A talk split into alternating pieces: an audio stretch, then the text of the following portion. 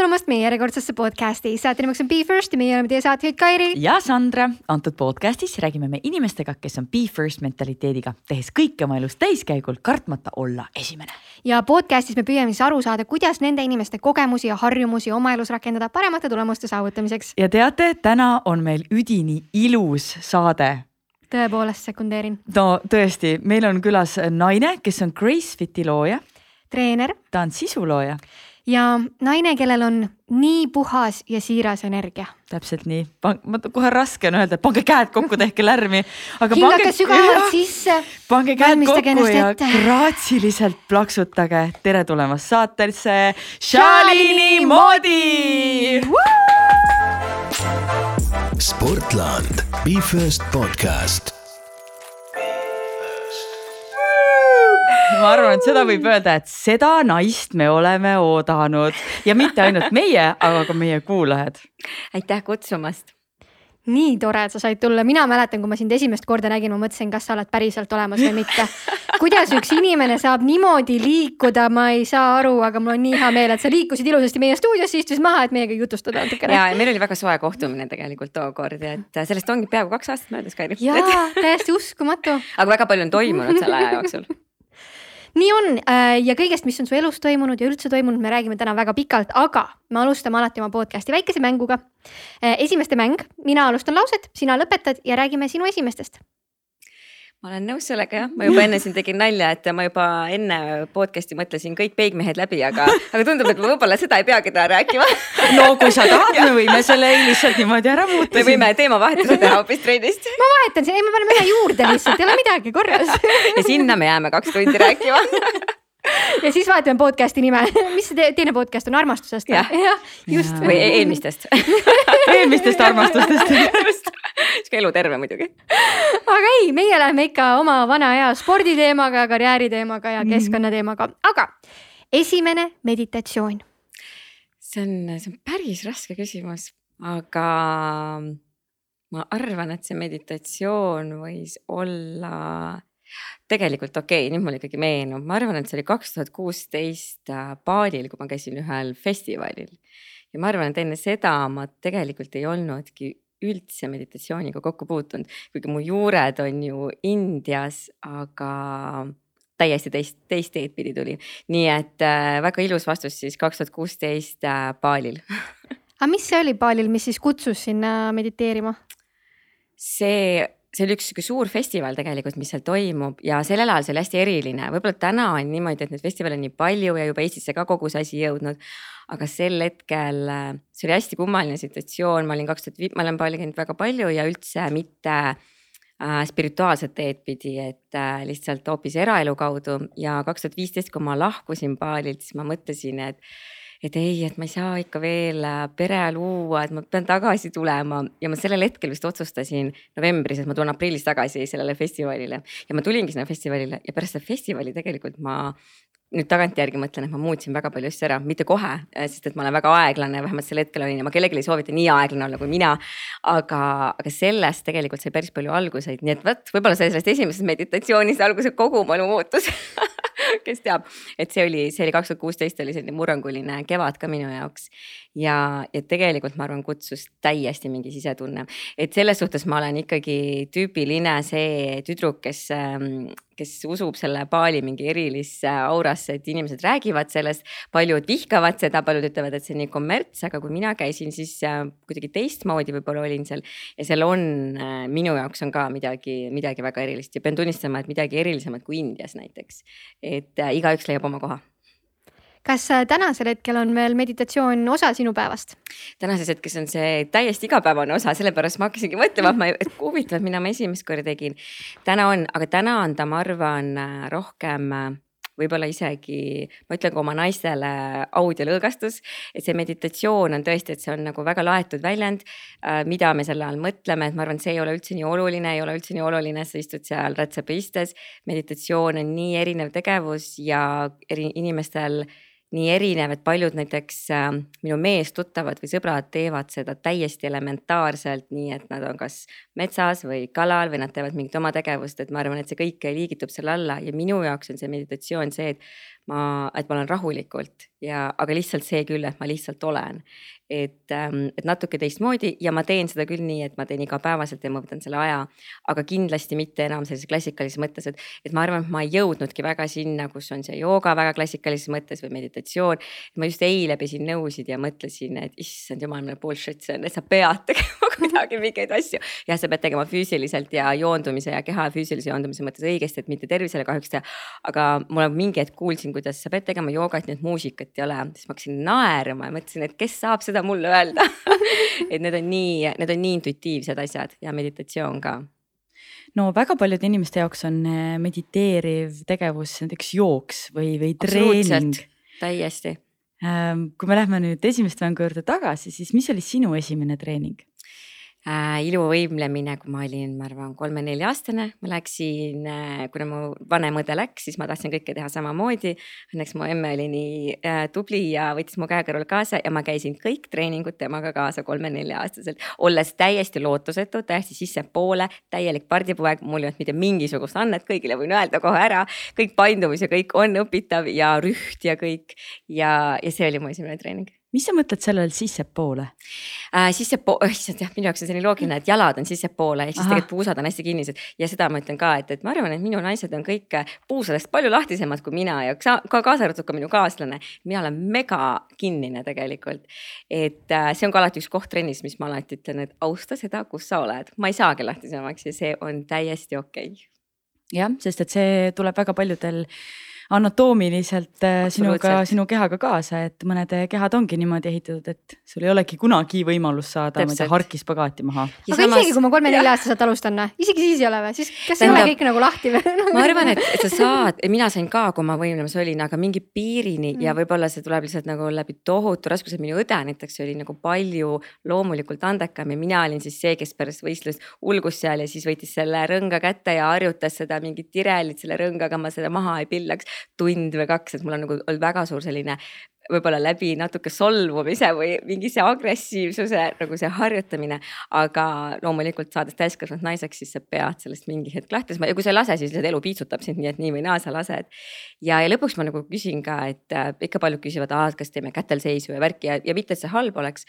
aga võib-olla, et kas seda kõike vaja on et see on teine küsimus, kas seda spagaatigi vaja on, kui muidugi sa tahad, siis loomulikult, aga ega noh, ütleme nii, et, ähm, et see on, see on soovide küsimus mm. -hmm Need on ju ägedad äh, showstopper trikid ju ei ole siis? Insta jaoks peol Absolu vaata spagaati ja korras absoluutselt, ega meil on ka, et kui pidu on, et siis kõik võtavad need joogavaras ja mingid poosid välja ja proovivad kõike teha. aga esiteks seda ärge ikkagi tehke võib-olla äh, peo ajal, aga, aga lihtsalt, et, ähm, et kui see ka nagu, et kas see on lihtsalt nii oluline ja kas see võib lõpuks võib-olla valmistab sulle pettumust endal, kui sa ei saa ära tehtud. kuigi ma pean ütlema, mulle väga meeldivad siuksed väljakutsed, et kui ikka Crossfiti läksid ja pidi neid ähm, kätel seisus kätekõverdusi tegema oi, see oli äge, see oli nagu tõesti, sest sul oli väljakutse, vaata mm. -hmm. absoluutselt ja mhm. tegelikult ma arvan, et, et inimesed ongi ju väga erinevad ja neil ongi nagu natukene erinevaid asju vaja, mis neid paneb, paneb liikuma, et tegelikult kui see on see, et spagaat, siis ma ütlen, et nui neljaks ja venita ennast iga päev mm. -hmm.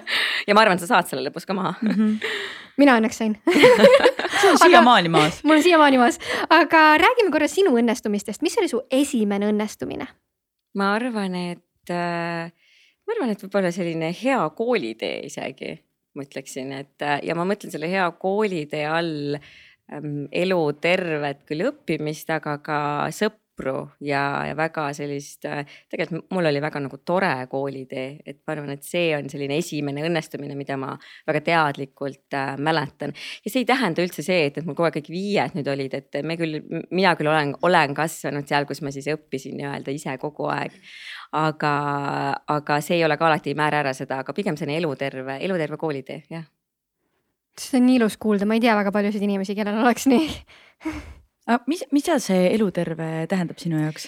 mul on äh, mõned sõbrad, äh, kes on mul tegelikult jäänud koolist väga pikka aega, me suhtlesime, ma arvan, kahekümne, kolmekümne inimesega, kes olid mu koolist, mu klassist. ja me olime esimesest kuni kaheteistkümnenda klassini koos ja mida vanemaks ma saan, seda rohkem ma näen, kui palju see loeb tegelikult, et sul ei ole sealt traumasid, sest et me korjame elu jooksul nii palju traumasid, mida vanemaks me saame.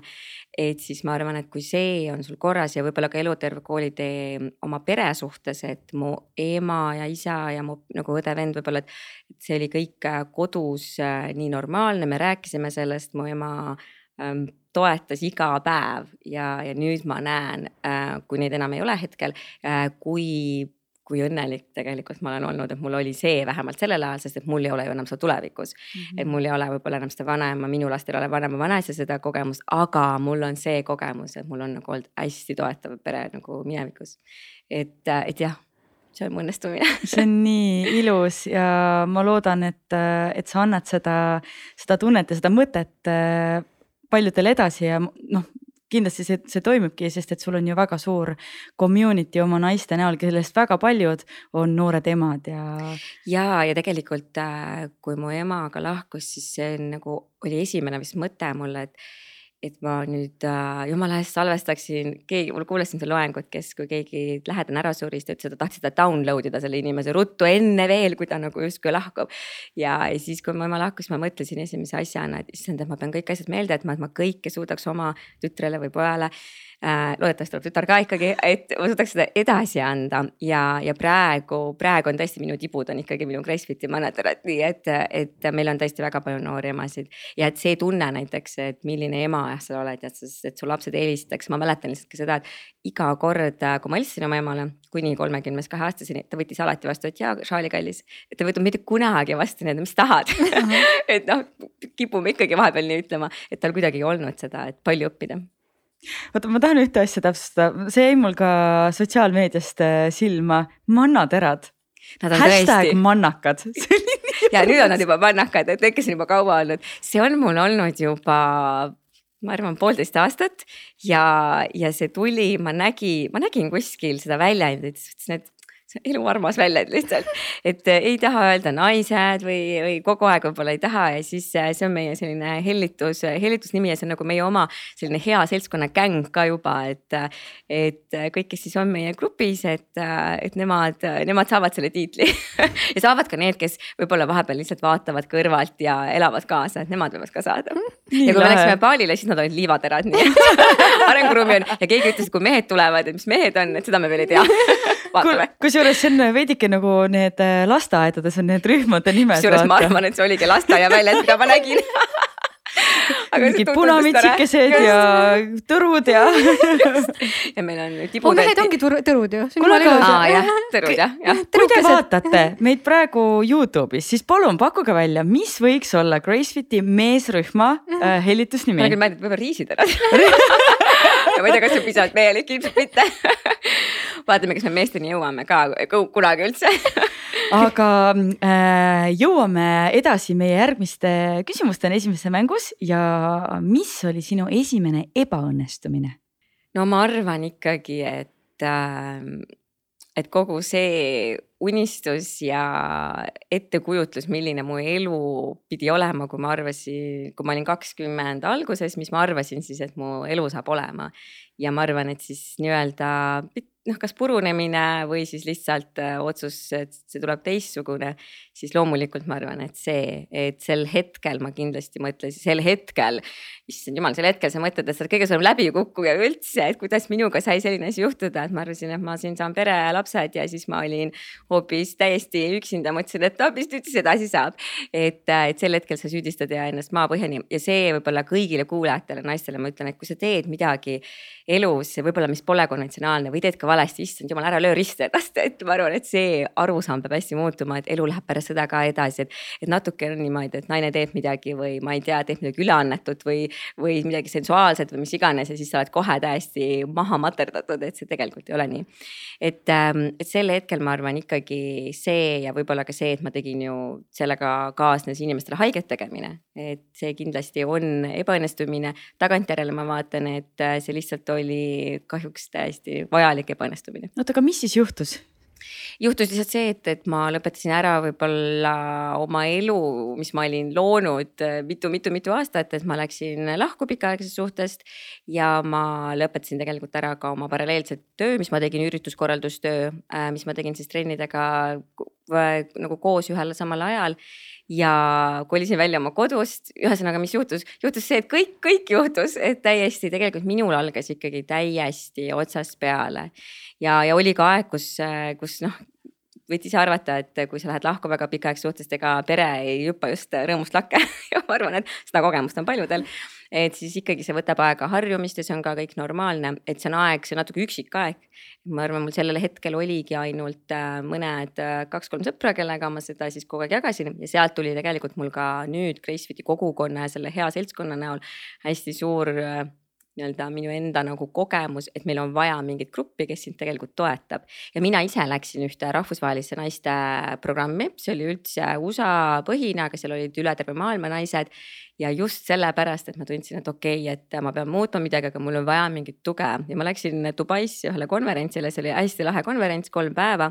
ja sealt konverentsil ma tulin küll ära, nii et ma nägin, kui palju ma tegelikult olen teinud ja kui palju mul on teha veel. Ja, ja see muutis väga palju ja see andis mulle jõu, et ma ei ole üldse tegelikult, ma tean, et väga paljudel on eelarvamus nende naiste ringide ja seal arvatakse, et see, me ainult rinnad paljad istume käest kinni ja äh, ma ei tea, mida me seal teeme, et ma saan täiesti aru, et äh, sellest skepsisest ja ma tegelikult äh, olen pigem selline üsna üksik või üsna individualist, aga kui on, ma arvan, õige grupp ja selline eluterve toetus, et siis äh, see on väga-väga vajalik ja see on tohutult motiveeriv ja tohutult jõudu andev ma arvan, et mina ei oleks teinud neid muutuseid kõike ja, ja minu elu on ikkagi kardinaalselt muutunud, ma arvan. Ja neile, kes ütlevad, et äh, või noh, kardavad kuidagi seda, et aa, et on mingid naised, kes istuvad käest kinni, rinnad paljad no las nad istuvad. absoluutselt, et tegelikult äh, erinevaid lähenemisi on ja, ja ma arvan, et inimestele, inimestele sobivadki hästi erinevad lahendused. ma just lugesin, lugesin midagi, kus, äh, kus siis hästi palju noh, nii-öelda tehti võib-olla vastu siis nalja selle üle, et ärkad vara ja, ja mediteerid ja kannad oma neid äh, sinise valguse prille ja, ja et umbes, et kõik on ettevõtjad ja siis ma mõtlesin, et aga noh, et natuke on see, et pada sõimab katelt, et tegelikult on nii, et vahet ei ole, mis me teeme, peaasi, et see toimib meile ja peaasi, et me tunneme ennast hästi. ja ma arvan, et see on nagu palju olulisem sellest kritiseerimisest, et ma viimasel ajal ma olen hästi palju, et et inimesed võib-olla arvavad, et kui kell viis ärkad, siis sul ei ole ühtegi lõbusat hetke. siis nad arvavad, et need, kes on palgatöölised, et need on nagu maailma igavamad inimesed, et see ei ole nii must ja valge. et tegelikult me oleme kõik nagu palju, palju värvikamad ja just niimoodi ongi, et äh, kui see sobib, see selline, selline stiil, et, et me tunneme ennast vabalt, siis absoluutselt. ja lõpuks on nii, et ega need, kes siis need rinnad paljad on, ega nad kogu aeg rinnad paljad ei ole et ma arvan vähemalt mis oleks ka okei okay, noh, selles mõttes, et kuidas iganes soovite, aga ma nägin ka just äh, väga head postitust selle koha pealt, et kuidas ego tuleb ikkagi ette. et äh, tore küll on ju, et sa tunned, et, et sa ärkad kell viis on ju, aga et sa paned teistele pahaks, et nad ei ärka kell viis, et see on probleem. või et sa loed raamatuid ja sa paned teistele pahaks, et nad ei loe raamatuid, et see on nagu see koht, kus tegelikult see nii-öelda zen vibes ei ole enam nii zen vibes. just, just, et see on väga silmakirjalik ja siis samamoodi ka vastupidi, et kui sa ärkad kell kümme, et siis ära nagu ei teata neile, kell kes, kes kell viis ärkavad mm, -hmm. et, et siin nagu tuleb hästi see tasakaal leida, et et, et ja tegelikult siin tuleb lihtsalt sotsiaalmeediast natukene puhkust võtta mis on alati hea soovitus kõigi asjade puhul põhimõtteliselt on küll jah, ja ma täna just mõtlesin sellele, et, et me oleme nagu üle, üle connected ja samas oleme tegelikult nii kauged, alustades endast ja siis oma lähisuhetest, et mm, -hmm. et jah. Jah, lülitades välja selle, mis toimub kõik äh, kaugemal ja lülitas sisse selle, mis toimub sinu enda sees, sest et äh, tihti jah, see distraction tulebki sellest äh, sellest, sellest muust mudrust ja see ei ole ainult sotsmeedia, vaid et see on nagu kõik muud asjad ka meie, meie ümberringi, et. absoluutselt või ma mõtlesin lihtsalt, et vaata, kui palju ka meil on neid äh, chat'e, meil on kümme chat'i, me peame igale asjale reageerima, hästi palju lühikesi väikseid kommentaare, aga siis samas jällegi, et kui lähedased näiteks sa oled oma oma partneriga, milline on see intiimne suhe. kas sa tunned, et sul on päriselt nagu suhe, kas sa tunned, et sul on mingi sõprus, millel on tohutu telepaatia. sa ei pea rääkima iga päev, mida sa sööd või et ma käisin seal ja ma tegin seda, vaata, mis ma selga panin. mis on ka lahe tegelikult ja mis on aeg-ajalt ju lahe fun, kui see sobib sulle. aga lihtsalt ma arvan, et see kaalukauss on alati, alati nagu peaks seda vaatama ma arvan, et see pandeemia natukene lükkas ka meid sellesse olukorda lihtsalt, kus me oleme rohkem nutiseadmetes mm. -hmm et sa lihtsalt ei näinudki enam inimesi ja nüüd on nagu raske sealt välja tulla, et uuesti hakata mhm. inimesi nägema. ja, ja selles mõttes, et ega mina olen täiesti nagu süüdi selles ma olen täi-, ma ütlesin just Svenile siin mõned päevad tagasi, et ma olen täiesti telefonisõltlane me peame tegema midagi ja nüüd ma siis võõrutan ennast, et, et, et me kõik noh, et see on tänase ajastu lihtsalt asi, aga, aga eks seda peab märkama ja ma arvan, et see et see väike nihe võib anda lihtsalt nii palju avarust ruumi juurde, et me ei kujuta ettegi lihtsalt. ma vaatasin, et Sandra Vabarna vist alustas ka just äh, seda väljakutset, et äh, tal on vist kümme tundi kuus tuleb ekraaniaega, et ta on pannud vist esmaspäev, kolmapäev ja reede on tund aega või midagi sihukest. siis tuleb kümme tundi koos kokku, et sa võid ka koos temaga väljakutset teha. kusjuures ma väga-väga ja väga nõustun ja, ja Sandra isegi kirjutas mulle väga inspireerib, inspireerib ja, ja tegelikult ma väga nõustun, tema ju tegi ka selle aastase pausi mm. -hmm. et ma arvan, et ma arvan, et siis, kui meil on need pausid olnud või, või üldse vaata, kui nagu elus vahest, ma arvan, minul oli siis, kui mul nagu juhtus väga rasked asjad, et siis noh, tahes-tahtmata sa oled eemal, sellepärast et sa ei, võib-olla ei suuda nii palju olla. et siis ka sa näed, kui palju su, milline energia sinus nagu vallandub ja siis sa võtadki ja sa paned selle hea energia, kui sa oled selles äh, sotsiaalmeedias ja siis tuled jälle eemale. et võib-olla lihtsalt kõik siis äh, toodaksid sellist väärtuslikku ja head sisu, mida teistega, teistega jagada. et vahest ma mõtlen, et võib-olla nagu noh, igat pilti, et feeling cute ei pea ka jagama vahest ikka võib, aga, aga lihtsalt, kus need piirid on no ja minu jaoks on see digitaalne album, mul ei ole päris fotosid, nii et mul on vaja kuhugile need panna, nii et internetiavarustesse nad lähevad, siis nad on vähemalt kuskil olemas absoluutselt. aga meil on veel jäänud kaks küsimust esimeste mängu. Äh, järgmine on esimene asi, mida hommikul teed? Äh, ma joon äh, vett ja rullin mati lahti ja teen trenni nagu full on trenni või nagu sihuke rahulikum? täiesti olenevalt, et siin ma jõuan ka selle ikkagi üsna põhilise teema juurde, et äh, ma ikka naeran, et ükskõik kuhu ma lähen, siis ma räägin alati menstratsioonist, et äh, läksime sinna ettevõtluse konverentsile Urmas Vaino pidi intervjueerima, siis ma ütlesin, vahet ei ole, mida Vaino küsib, mina räägin menstratsioonist nii et siin ma tulen sama teema juurde, et olenevalt tegelikult sellest, kus ma olen oma tsüklifaasis, aga ma olen väga suur äh, hommikutrenni tegija.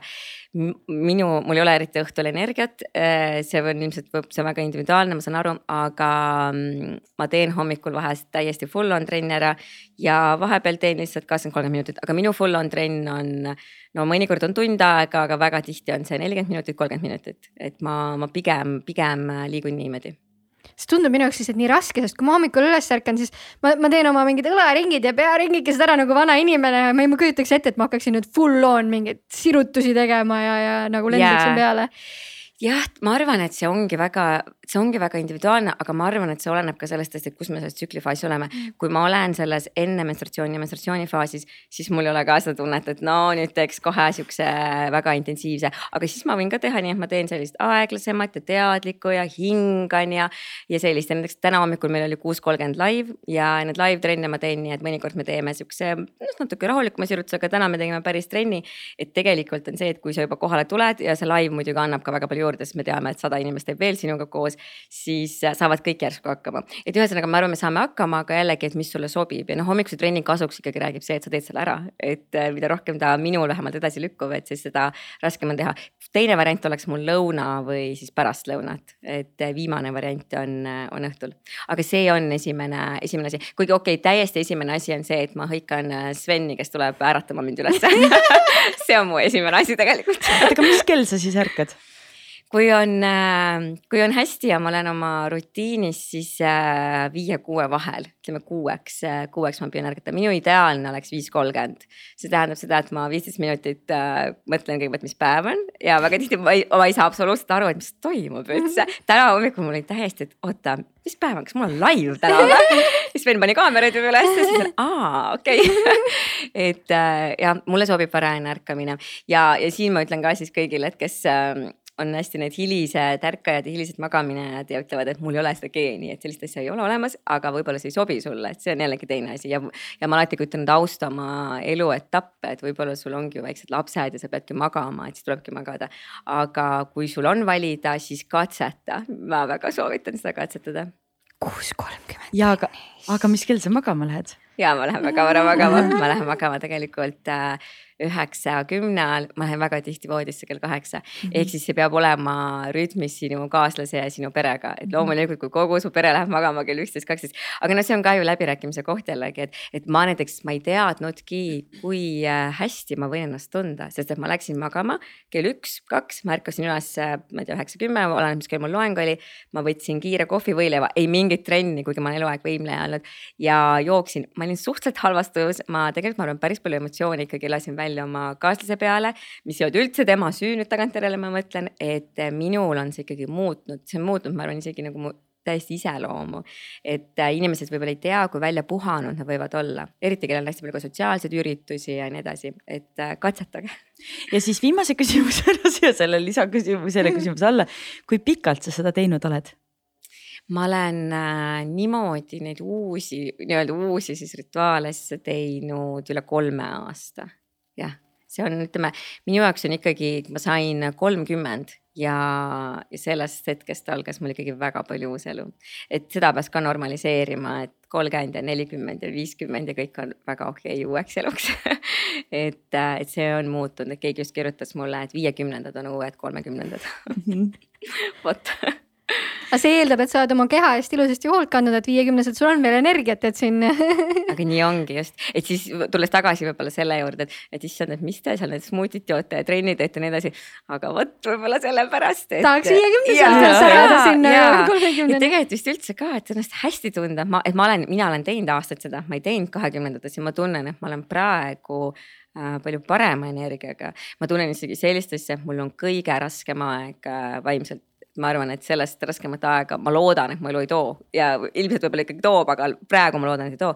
aga ma arvan, et ma ei ole ka samas olnud rahulikum või selgem ja see näitab mulle ka nagu hästi palju ära, et, et selline see ma ei tea, hea koht vaimselt ei tähenda seda, et sa ei tunne kurbasid emotsioone, loomulikult tunned või et sa ei oleks äh, täiesti löödud või ängistatud.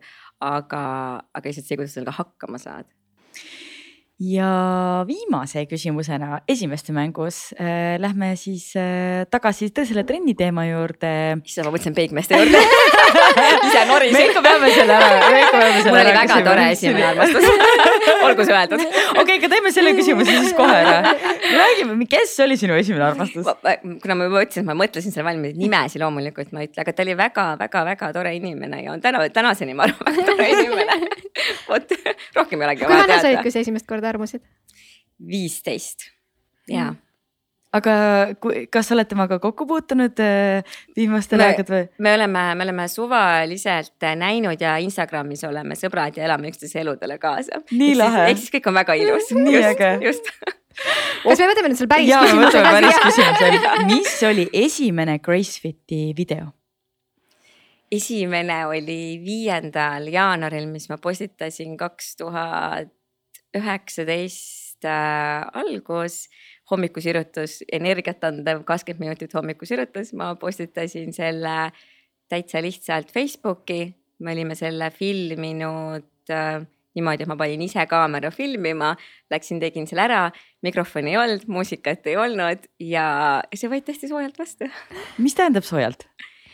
Väga palju oli kaasaelamist, väga palju oli häid äh, kommentaare, et see mõjus inimestele hästi ja inimesed tegid seda ja see oligi esimene. ma arvan, et alles uued videod tulid pärast kaks-kolm kuud äh, hiljem, ma usun.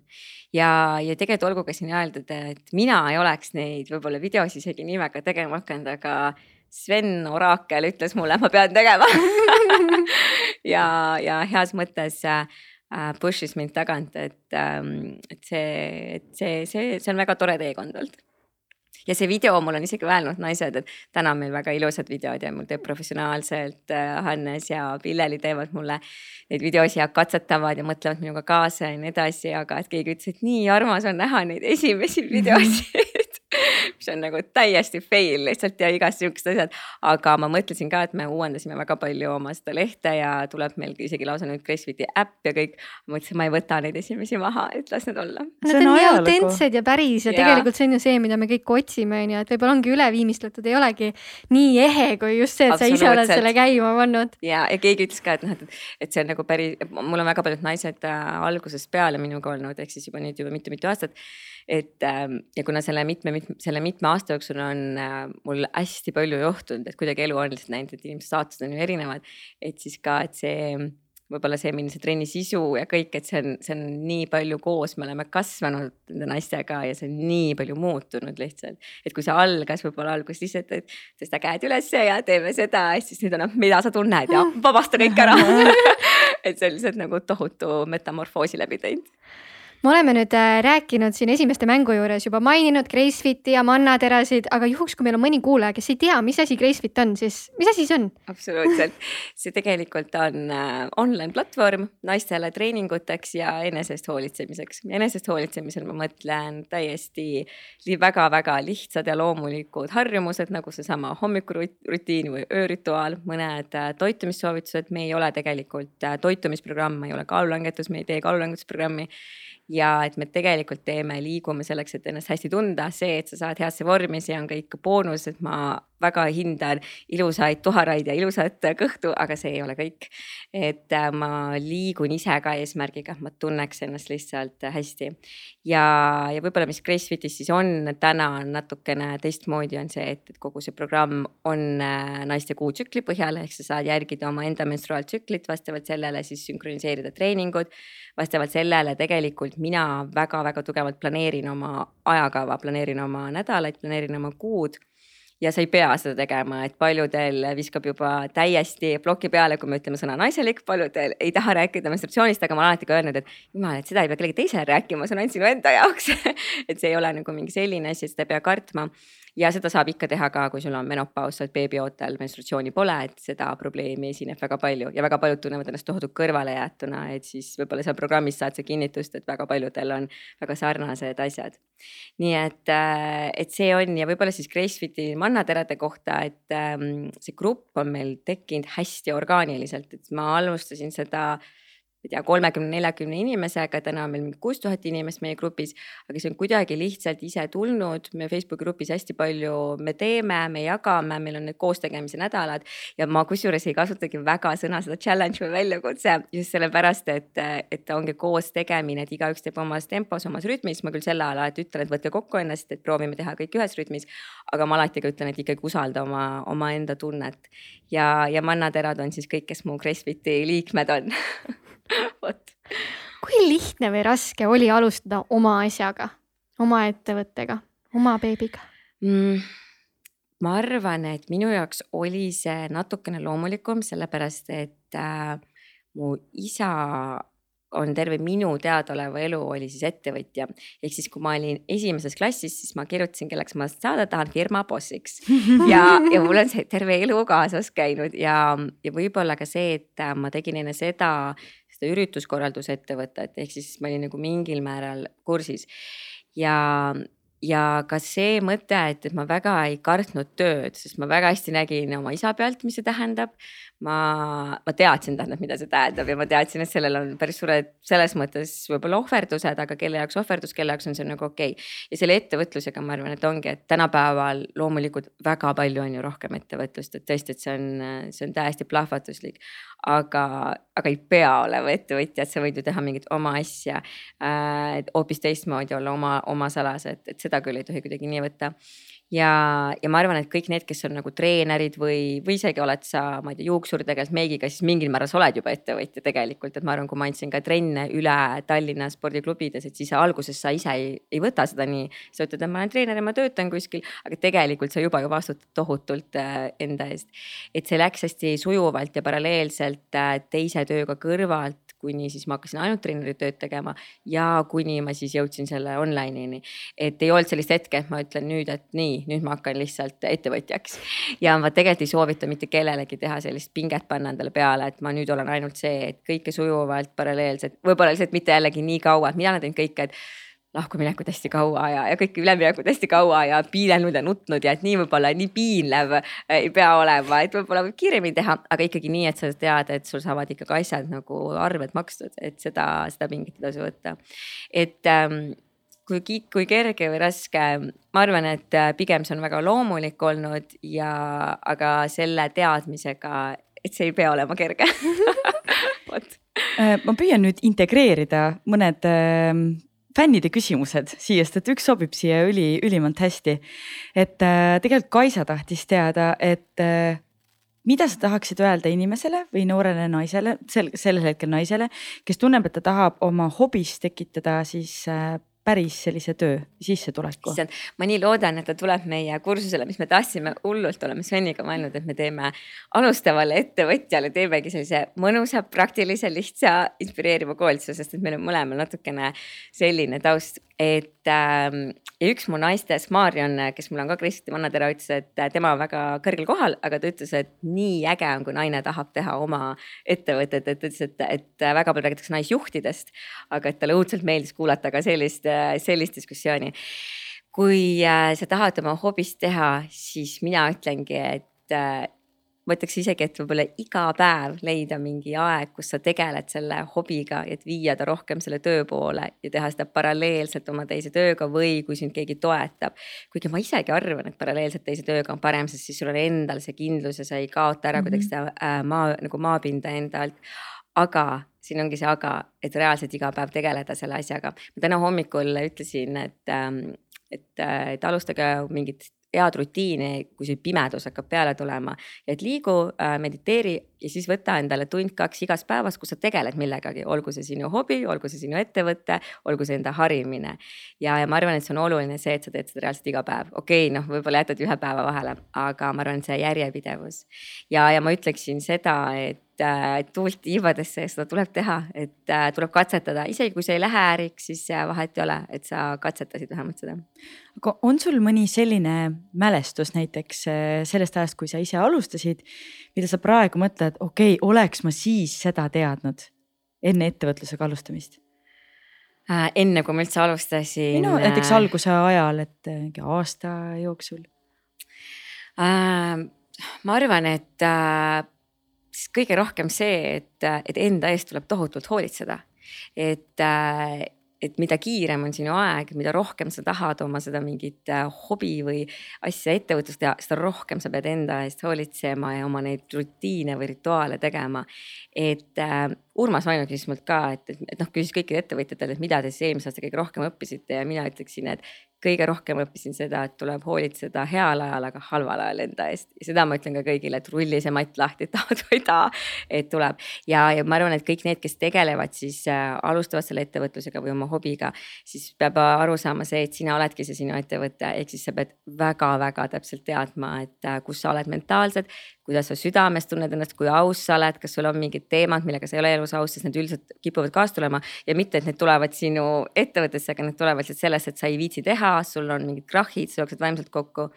et, ähm, et see, et minul oli algusaegadel nii, et ma jälle ma võin kõigile öelda, et ma tegin aasta aega kodulehte, sellepärast et ma olin väga keerulistes suhetes. ma olin tohutult, valetasin endale, valetasin teistele, mul oli üleminekuajad ja siis, kui see kõik sai läbi, kui ma läksin lõpuks, mõtlesin, et okei okay,, mul on aeg vaja maha võtta.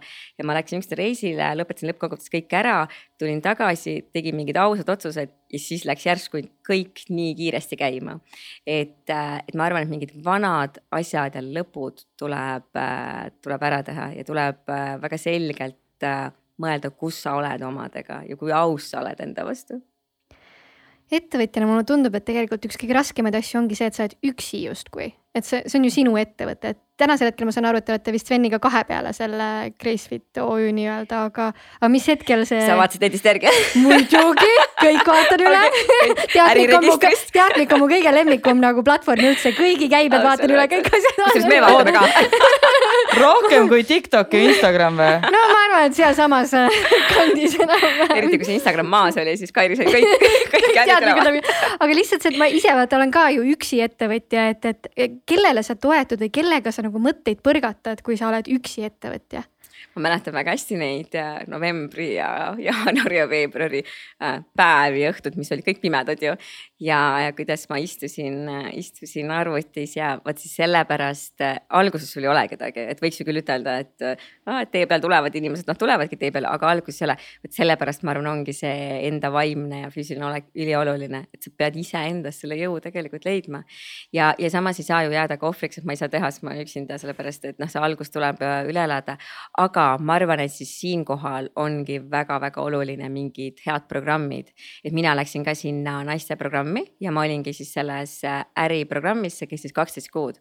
ja meil oli tegelikult nii, et äh, iga nädal olid äh, loengud, iga nädal olid sellised laivid ja nii kui mul hakkas äh, veidike jõud otsa ma panin selle naise, kes siis selle läbi viis, üks psühholoog, panin ta videot peale ma tundsin ennast nii hästi pärast, et need toimivad, ükskõik, mis me võime ütelda, et issand kui klišee ja nõme ja nii edasi, aga need toimivad. et ma arvan, mingi grupp äh, võib-olla, kes on siis sarnaste, sarnaste mingite eesmärkide nimel liiguvad, et siis väga aitab, et sa pead leidma mingi toetuse. Ja ma arvan, tihtipeale me ei leia seda sõpradest või lähedastest, et äh, neile ei saa ka võib-olla seda pinget või koormust panna isegi kui me rääkisime Gracefitist äh, ja sellest kommuunist, siis sa ütlesid, et see algas alguses hästi orgaaniliselt, kolmekümnest äh, naisest. nüüd on seal kuus tuhat. kuidas? mis see eduvalem on? kusjuures tõesti, see algas ja tegelikult see algas kõik nii, et, et ma olen ju Golden Clubi treener ja, ja ma olen üldse mõelnud, et Grace Fit algas täiesti sellest, et äh, treening ja liikumine oli ainuke koht, kus ma tundsin ennast hästi. see, see oli ainukene koht, kus äh, mul oli väga hea olla oma nende inimestega. see oli ainuke koht sel hetkel, sel perioodil, kus ma tundsin, et maailm ei kukugi kokku ja linnud võib-olla ei kukugi kõik taevast alla. et äh, iga kord, kui ma läksin sinna trenni, ma võisin minna sinna täiesti nii, et ma olin pool päeva nutnud ja siis läksin ja pärast tundsin, et oo, et tegelikult võib-olla isegi elul on veel lootust. et, et see algas täiesti, täiesti loomulikust kohast ja, ja sealt äh, mul tekkis see mõte, et liikumine kui teraapia. ma võin ka öelda, et ma olen igasuguseid asju elus teinud, igasuguseid rännakuid äh,, teraapiaid, natuke ka ekstreemsemaid asju. ja ma olen jõudnud igalt poolt koju tagasi keset ööd ühel väga ekstreemsel rännakul, läksin välja, vaatasin taevast, mõtlesin, et appikene, et see ei ole ikka üldse minu jaoks ja ma olen iga kord jõudnud selleni, et kõige loomulikum asi on liikumine ja hingamine ja, ja ma arvan, et need inimesed, kes siis äh, nendes trennides olid, on, on natukene võib-olla sama, et, äh, et nad on seda, seda liikumise usku, aga võib-olla mitte lihtsalt liikumise usku, vaid mingisuguse teraapilise liikumise kuidagi usku. ja, ja meil hakkas, meil kõik need inimesed, ma arvan, me sobime lihtsalt ka ja ma arvan, et kõik, kõigil ei sobigi see ja, ja kui meil algas siis see väikene grupp, mis meil oli see paarkümmend inimest, kes mul Golden Clubis käisid, siis ma lihtsalt üks hetk tegin äh, Facebooki grupi, et muusikat neile jagada. See sai väga, väga, väga äh, ilusast, ilusalt äh, tegelikult alguse, et ma panin, ma kasutan oma trennis hästi palju sellist idamaist muusikat, hästi palju, ma ei tea, sellist natuke nagu erinevate kultuuridest miksitud muusikat ja see on väga palju tuleb minu perekonnast ja mu emast tegelikult ja siis ma hakkasin seda jagama ja siis me tuli millegipärast idee, et teeks ühe väikese väljasõidu Haapsallu. ja, ja sinna tulid ka millegipärast tuli päris palju inimesi ja, ja niimoodi see hakkas kasvama ja loomulikult, kui tuli siis online videod, siis äh, inimesed ju said igalt poolt hakata tegema, et nüüd ei olnud enam ainult see, et paarkümmend inimest saaks, saaks teha. et tänaseks on vaata see võib-olla see liikumine nii palju muutunud ja, ja võib-olla selle online'iga on see liikumine nii lihtne ja loomulik ja nii kättesaadav. ja miks, miks meil täna nii palju inimesi on, ma arvan, et ega kõik need naised ju inspireerivad nii palju teisi, et ma olen ikka kõige rohkem öelnud, nad on ju tohutud inspireerijad. keegi paneb, postitab kuhugi midagi, kellelgi tekib huvi, et oo, tema saab, mina saan ka. ja, ja ilmselt ikka see emotsioon ka, et, et keegi rääkis mulle just, et neil on tüdrukutega oma chat ja siis iga esmaspäev umbes keegi kirjutab sinna, et kuulge, et tere hommikust, sõbrannad, et, et ilusat nädalat. siis teine mõtleb, küsib kolmandat, mis tal viga on siis ta ütles, et tegin hommikusirutust ja see ilmselt on natuke natuke nakkav ka, ma arvan. oota, ma, ma ei saa sellest mööda minna, ekstreemsemaid asju tulevad ju aastad ja, ja kõik. ma ei saa midagi teha, süüdistan oma õppejõudu, läksin õppima ajakirjandust kommunikatsiooni, kohe loengutest tuli see, et kohe, kohe, kohe tuleb kasuks, on ju, kohe ikkagi haar, haarasid ikkagi kinni. ja ekstreemsemad, ekstreemsemad, ma arvan, sellised holistilisemad äh, rännakud, et ma olen, ma olen väga teadususku tegelikult ja samas äh, ma tean, et äh, elus ja maailmas ja meie tunnetes on ju midagi ka suuremat, mida me ei oska ei ümber lükata ega võib-olla heaks kiita. et, et sellised, sellised võib-olla rännakud, mis, mis hõlmavad ka mingeid, mingeid, mingeid kas mingeid muid asju, mida sa pead seal lihtsalt tegema ja mis viivad sind natukene teise meeleseisundisse, et see võib-olla nagu, mis see nagu nii konkreetselt on, ei olegi võib-olla nagu nii nagu oluline. kuivõrd see, et, et, et ei ole nagu täitsa see, et sa lähed ainult mediteerima, vaid et sa oledki valmis äh, katsetama, katsetama midagi muud. ja ma arvan nagu sellega, et äh, sellist asja ei saa mitte kunagi kellelegi soovitada, iga inimene peab ise täiskasvanud äh, omaenda mõistusega mõtlema, kas see sobib või mitte. ma arvan, meil on väga erinevad ähm, kohad, miks me seda teeme, et mina olen, mina olin selleks hetkeks kaotanud ju mõlemad oma vanemad.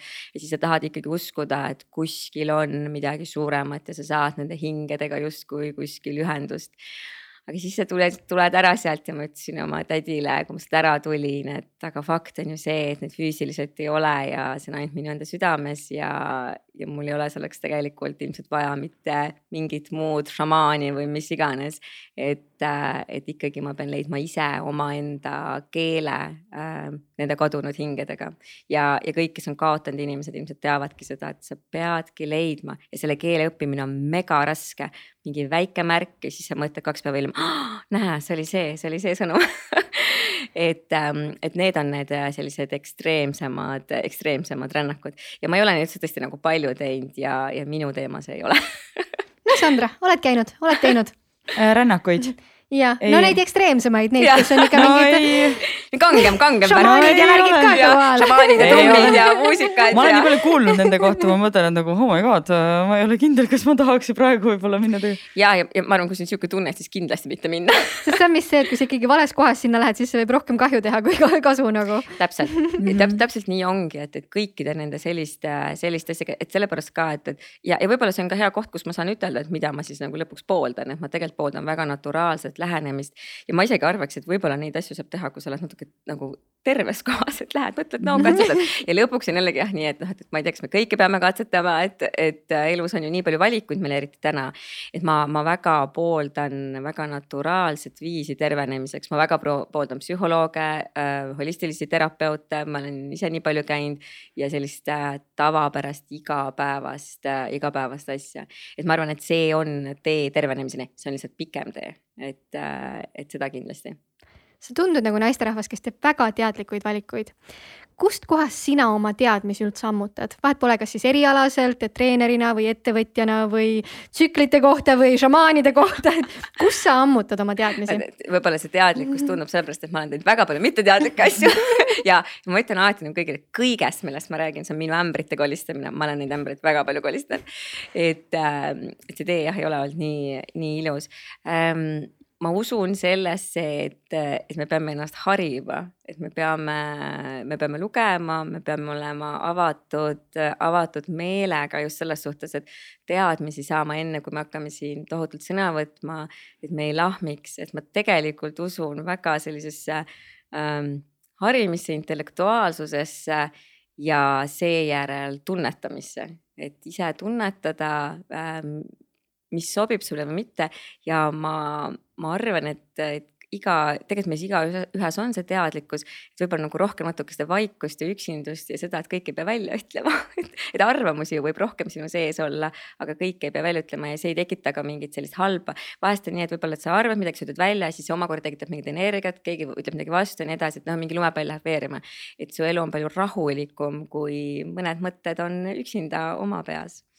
et ähm, ma soovitaksin, eriti ma arvan tänasel päeval, et äh, lugeda võib-olla mingeid erinevaid asju, tarbida erinevaid nagu kuld, et võib-olla, et meil on nagu kõik hästi ühest otsast teise, et võib-olla nagu mitmekülgsemalt. Minu peres on olnud hästi tugevalt kultuur, et ma olen tegelikult ajalugu üldse õppinud ja kunstiajalugu ja mu ema oli ajaloolane. et võib-olla siis see annab ka sellise hästi värvika olemise ja sellise huvi ja raamatuid lugeda ka, et, et me kõik, mina loen ka eneseabiraamatuid, need on väga huvitavad, aga kui ma ainult neid loen, et siis ma arvan, me jääme lihtsalt nagu kinni.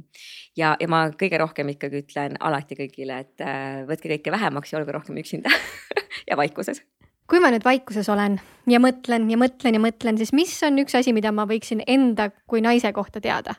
ma arvan, et äh, kõige enam, et äh, mis su enda need äh, südamesoovid on.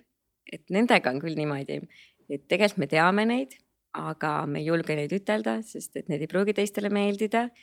ma arvan, et me võiksime suuta teha nii, et me väga haiget ei tee teistele, aga samas ka mitte endale. Ja, ja ma arvan, et äh, nende südamesoovidega on niimoodi, et äh, et äh, kui sa päriselt need välja ütled ausalt, sa tunned järsku mingit täiesti mingit energialainet enda kehas või mingit soovuse lainet, mingit kergendust. Ja seda peaks kõik praktiseerima, see on hästi raske. see on, keegi ütles mulle, et ta pidi tegema seda alguses peegli ees või autos vist ütles, et see oli nii raske, see on paganama raske. mina olen kirjutanud ja siis ma kirjutan terve päeviku täis ja valetan, terve päeviku ma võtan jumala vabalt, nii ilusat teksti. siis ma mõtlesin paar päeva tagasi isegi ja siis kirjutasin, mis päriselt on, siis mõtlesin, et appi kui hea oli olla, isegi kui ma pole seda veel kõik äh, välja öelnud, alati ikkagi peagi seda kõigile nagu välja ütlema. ja see ei kehti ju ainult naiste puhul, see kehtib, ma arvan, ka meeste puhul, et see tõesti, tõesti see, see ausus. et, ähm, et on ju üks ilus väljend ka, et, et, et lõpus, lõpus niikuinii me peame olema ausad, et äkki siis jätaks selle draama vahele ja, ja võtaks nagu oleks nagu võib-olla kohe nagu ausam. ja, ja see ausus loob tegelikult vaata selle, et, et, et sa tunned, et sa oled avaram ja sa tunned, järsku sa oled lõdvestunud, äge on olla. ma kuulasin ühte loengut ja siis äh, sealt küsiti, et kui palju sa tead lõdvestunud ja selliseid chill'e inimesi. kui palju sa tead selliseid naisi siis nagu see saatejuht ei mõtle, nagu ei teagi väga et äh, see on üks asi, et äh, ja, ja selle aususega veel nii, et sa teed ühe korra selle elus ära ja siis tuleb natukese aja pärast, fuck jälle et tegelikult, et mina olen ka mõelnud, et mul oli mingi hetk, kus ma kaks aastat lükkasin edasi ja ma ei tahtnud öelda seda, ma ei julgenud öelda. siis tegin ära, mõtlesin, huh, kui hea on olla. siis natukese aja pärast mõtled, okei okay,, midagi hakkab juba kerima ja me kõik tunneme tegelikult, kui see juba kerib ka. lihtsalt huvi pärast, mis need loengud on, mida sa vaatad või, või, või kust sa neid vaatad või mis podcast'e sa näiteks kuulad? kusjuures nendega on niimoodi, et äh, ma ei arvaks isegi, aga alati Sven annab mulle midagi kuulata ma ei ole ise, ma ei, ma ei jälgi kedagi niimoodi nagu, äh, et ma kogu aeg vaataksin. Sven on tohutult podcast'i kuulaja ja siis ähm, üks, üks podcast äh, on, äh, mis on tegelikult Tim Ferris intervjueerib, aga see on ühe India mehega Naval on ta eesnimi, ma tegelikult ei mäleta praegu, mis ta perekonnanimi on, et ma pärast võin sulle ütelda, mida ma soovitaksin kõigil kuulata. ma olen seda kuulanud. mul on ka tunne, et ma olen seda kuulanud see on väga hea podcast, see on see, see võib-olla on üks podcast, kus, kus ei räägita, et ärge kell viis ja tee seda, seda, seda, mis on ka väga hea. vaid ta räägibki ikkagi ju seal nagu nii eluliselt, kuidas me peame mingise rahukohani jõudma ja, ja, ja, ja võib-olla sellistest päris, päris väärtustest, et minu, minul, mind väga kõnetas see et äh, mul ei ole ühtegi sellist äh, konkreetset podcast'i, kuulake seda podcast'i loomulikult iga, iga, iga kord, aga mul ei ole tegelikult sellist, äh, et ma, ma kuidagi inspireerun kellestki, mõnest, vahest mõnest kirjanikust, siis ma, siis ma võib-olla natuke aega uurin kõike tema kohta, siis tuleb äh, mingi muu teema, näiteks tuleb mingine trauma teema minu ellu ja siis ma uurin selle inimese kohta ja niimoodi me tavaliselt äh, neid asju kuidagi kuulame. väga tihti me kuulame koos Sveniga ja siis me pärast, pärast arutame vot see on äge. et mitte lihtsalt ei kuula, vaid et sa pärast mõtled läbi ka, et mida sa, mida sa kuulasid mitte ei kuulnud, aga kuulasid. absoluutselt, et me päris tihti, kui me sõidame nii palju, no nüüd võib-olla natuke vähem, aga, aga päris tihti oli ka nii, et me kogu aeg panin pausile, Sven muidugi juba vihkas, ma arvan, minuga koos kuulanud, oota, oota, ma pean seda kommenteerima, seda mõtlema, mingi seos tuli. et äh, ikkagi nii palju asju nagu noh, mis enda, enda eluga on ja ja võib-olla meil on lihtsalt ka viimastel aastatel väga palju teemasid, äh, kaotuse teema, lein, Svenil ei olegi vanemaid, temal on mingid omad teemad, asjad. Ja siis äh, läbi võib-olla selle, et, et eks mehed ka ei tegele sellega enne, kui nende ellu tulevad naised, kes hakkavad siis ütlema, sa pead selle, selle, sellega tegelema. Ja siis, siis kui need teemad nagu tekivad, et siis me, siis me analüüsime, aga ma usun ka vaata sellesse seesama Naval minu meelest ütleb nii kenasti oma selles loengus, et, et, et me arutame need teemad lahti ja mingid teemad me paneme kõrvale. et me ei saa terve elu nendega tegeleda ja see on nagu nii tore, et, et, et mingi teema, et see on, see on võidetud, see ongi kõrvale pandud, lähme edasi. et see selline igavene ohver olemine, igavene nagu need traumadest, et, et sellest ei saa ja, ja mul endal on väga aktuaalne see, et, et mul on aasta möödas kõigest äh, minu vanemate lahkumisest ja, ja siis äh, mõtled, et aa, et noh, et, justkui nagu oled juba ju edasi liikunud, aga, aga tegelikult, et sa pead hästi nagu otsa vaatama, et kui on vaja terveneda, siis tuleb terveneda, tuleb tegeleda ja mitte seda edasi lükata. aga sellel on ka loomulikult õige aeg. ma arvan, et sellele vaimse poole tervenemisele me keskendume veel äh, eraldi, aga kuna meile tööst väga meeldib rääkida, siis me peame ikkagi natukene tööteemadel veel arutama. sa mainisid siin juba paar korda, on ju, Sveni, äh, elate koos, olete kihlatud, töötate koos kuidas on võimalik elukaaslasega koos töötada? ma arvan, et äh, Sveniga koos töötamine on üks, äh, üks ägedam või parim asi, pean tunnistama, et ähm, see klapp, kuidas me just koos töötame, on, äh, on lihtsalt selline, et ma ei ole seda kunagi elus enam kogenud. Ja ilmselt on lihtsalt meie tööeetika ja väärtused väga-väga-väga sarnased. Ja, ja midagi nagu paremat selles suhtes mitte ma ei oska, ma ei oskagi soovida, pigem on see, et äh, tuleb väga teadlikult ja see natukene kahjuks on rohkem naise roll. vähemalt meie, meie paaris hoida lihtsalt, et muud elu äh, eemal, sest et äh, Sven tahab töötada kodus, ta lihtsalt ei taha kontorisse kahjuks minna. mina, mina tegelikult saadaksin ta kontorisse ja, ja, ja läheksin ise ka kontorisse. et ähm,, et äh, see ei ole absoluutselt raske, see on, see on, see on tohutult inspireeriv, sellepärast et äh, ma arvan, et seal on hästi suur üksteise austus ja imetlus. ma tohutult austan äh, Sveni teadmisi ja ma väga äh, teadlikult tean, et minul ei ole neid teadmisi sellel alal, mis tal on. ja tema tohutult äh, imetleb seda, mida ma teen või kuidas ma teen ja ta teeb, äh, kuna tema on tehnilise poole taga, siis mu laividel, siis ta tantsib kaasa, siis ta näitab mõnikord, et mega hästi tehtud. ja siis vahepeal ütleb mulle pärast, et kuule, et sellega võiks teistmoodi teha, et isegi mulle sisuliselt juba hakkab mulle kommentaare varsti ütlema. aga see kuidagi klapib, aga see klapib, ma arvan, sellepärast, et me austame totaalselt üksteist töö mõttes, et mul ei ole seda tunnet, et issand, sa ei tea, mida sa, mida sa räägid. ja, ja ma arvan ka see, et, ähm, et see võime peab olema, et sa oled tööalaselt äh, väga, me oleme väga konkreetsed, me ei ütle kunagi halvasti, aga me oleme ülikonkreetsed, et seal on ka väga suur vahe ja siis ma võin kolmkümmend sekundit hiljem öelda, kuule, et kus me need pulmad teeme et, et see, see nagu see ümberlülitamine peab olema. et äh, mis see küsimus oli, et kuidas see võimalik on? ja, et kuidas, kui kakskümmend neli seitse koos olete, kuidas see romantiline pool säilib seal, kui te teete tööd ja kõike koos põhimõtteliselt? ma arvan, et siin on ka see hästi suur vahe, et me kohtusime palju hiljem, et me kohtusime nii, et mina olin kolmkümmend, tema oli kolmkümmend kolm ehk siis see ei ole enam see aeg, kus sa oled oled välja kujunemata kahekümnendates ja sa ei tea täpselt, mida sa tahad, et ma arvan, et äh, me olime mõlemad päris palju läbi elanud, äh, üle elanud ja, ja, ja lihtsalt natukene ka teistsugune, teistsugune taust ja, ja vist see koht, et me saime kokku sellest kohast, et me teadsime, et aa, et me tahame koos olla. et võib-olla mitte nii, et oh, kind of juhtus ja nüüd me siis oleme ja et, et see on, see on ikkagi nagu väga suur vahe, et see on sihuke teadlik, teadlik valik. ja selle romantika, romantika hoidmises, et, et see on kindlasti paariti erinev, aga no ma arvan, väga paljud naised suhestuvad, et, et nad peavad seda ise ikkagi nagu suunama ja nii edasi. et siinkohal on pidevalt vaja rääkida ja ütelda, mida sa soovid, et ma olen, olen kogu aeg öelnud, et mehed ei ole selgeltnägijad, nad ei tea, mida sa tahad, tuleb neile öelda, et ja, ja loomulikult mees peab kuulama kuulama ka. Et äh, mina olen hästi selline, et nii kui mul midagi südamel on, siis ma ütlen kohe välja äh,. Sven alati ütleb, et ei, ka mina ju midagi ometi enda teada ei hoia ja ma tõepoolest ei hoia, et ma, et ma ütlen, mis ma soovin. meil on, meil on, meil on võib-olla ka see, et meil ei ole väga palju, meil ei ole rutiini veel väga palju, et meil on väga, meil on tegelikult tohutu mingid rituaalid, mida me teeme, aga meie elu ei ole väga rutiinne. meil on ikkagi päris palju sõitmist ja päris palju vaheldust, et see ka, et, et mingi hetk me leppisime kokku, et iga kuu teeme äh, mis me tegime, et kaks korda peab siis nagu välja minema, mõtlesin, et kõik järgnevad kuud, kuni ma ei tea, mitu kuud meil on kõik juba nagu nii palju sõitmist, et ma küll ei jõua ausalt öeldes seda teha. Ja see ei ole üldse oluline.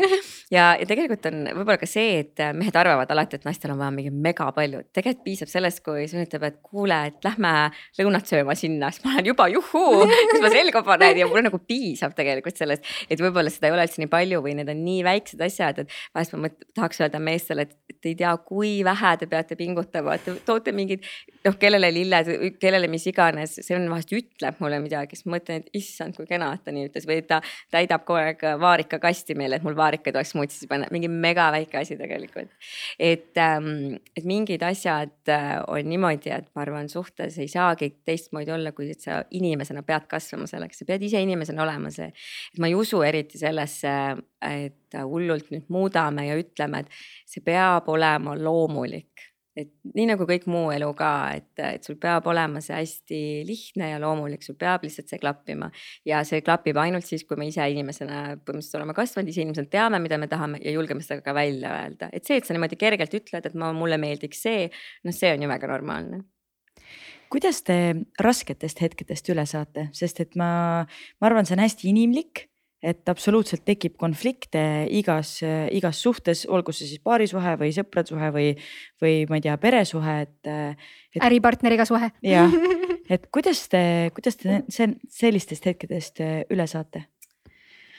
ma arvan, et algusaegadel oli see niimoodi, et tohutu tüli oli, ma olin mega emotsionaalne äh,. ma, Sven läks iga, et kui kõik arvavad, et on hästi harmooniline, siis siis kuni tegelikult selleni, kuni ma seda tsükliteooriat ise ka lugesin, siis kõik need tülid olid nii, et Sven kell kolm öösel kõndis kuskil Nasval väljas, mõtles fuck, et on mul vaja seda. aga no ikkagi nagu tuli tagasi, mina vist äh, pakkisin oma asjad kokku pärast kuu aega Saaremaal elamist, mõtlesin, et pagan, miks ma kolisin siia, siis tahtsin koju tagasi minna, aga kodus oli Airbnb inimesed sees, ma ei saanud minna nii ma istusin seal ja siis ikka äh,, ma arvan, et see on isegi tulnud välja.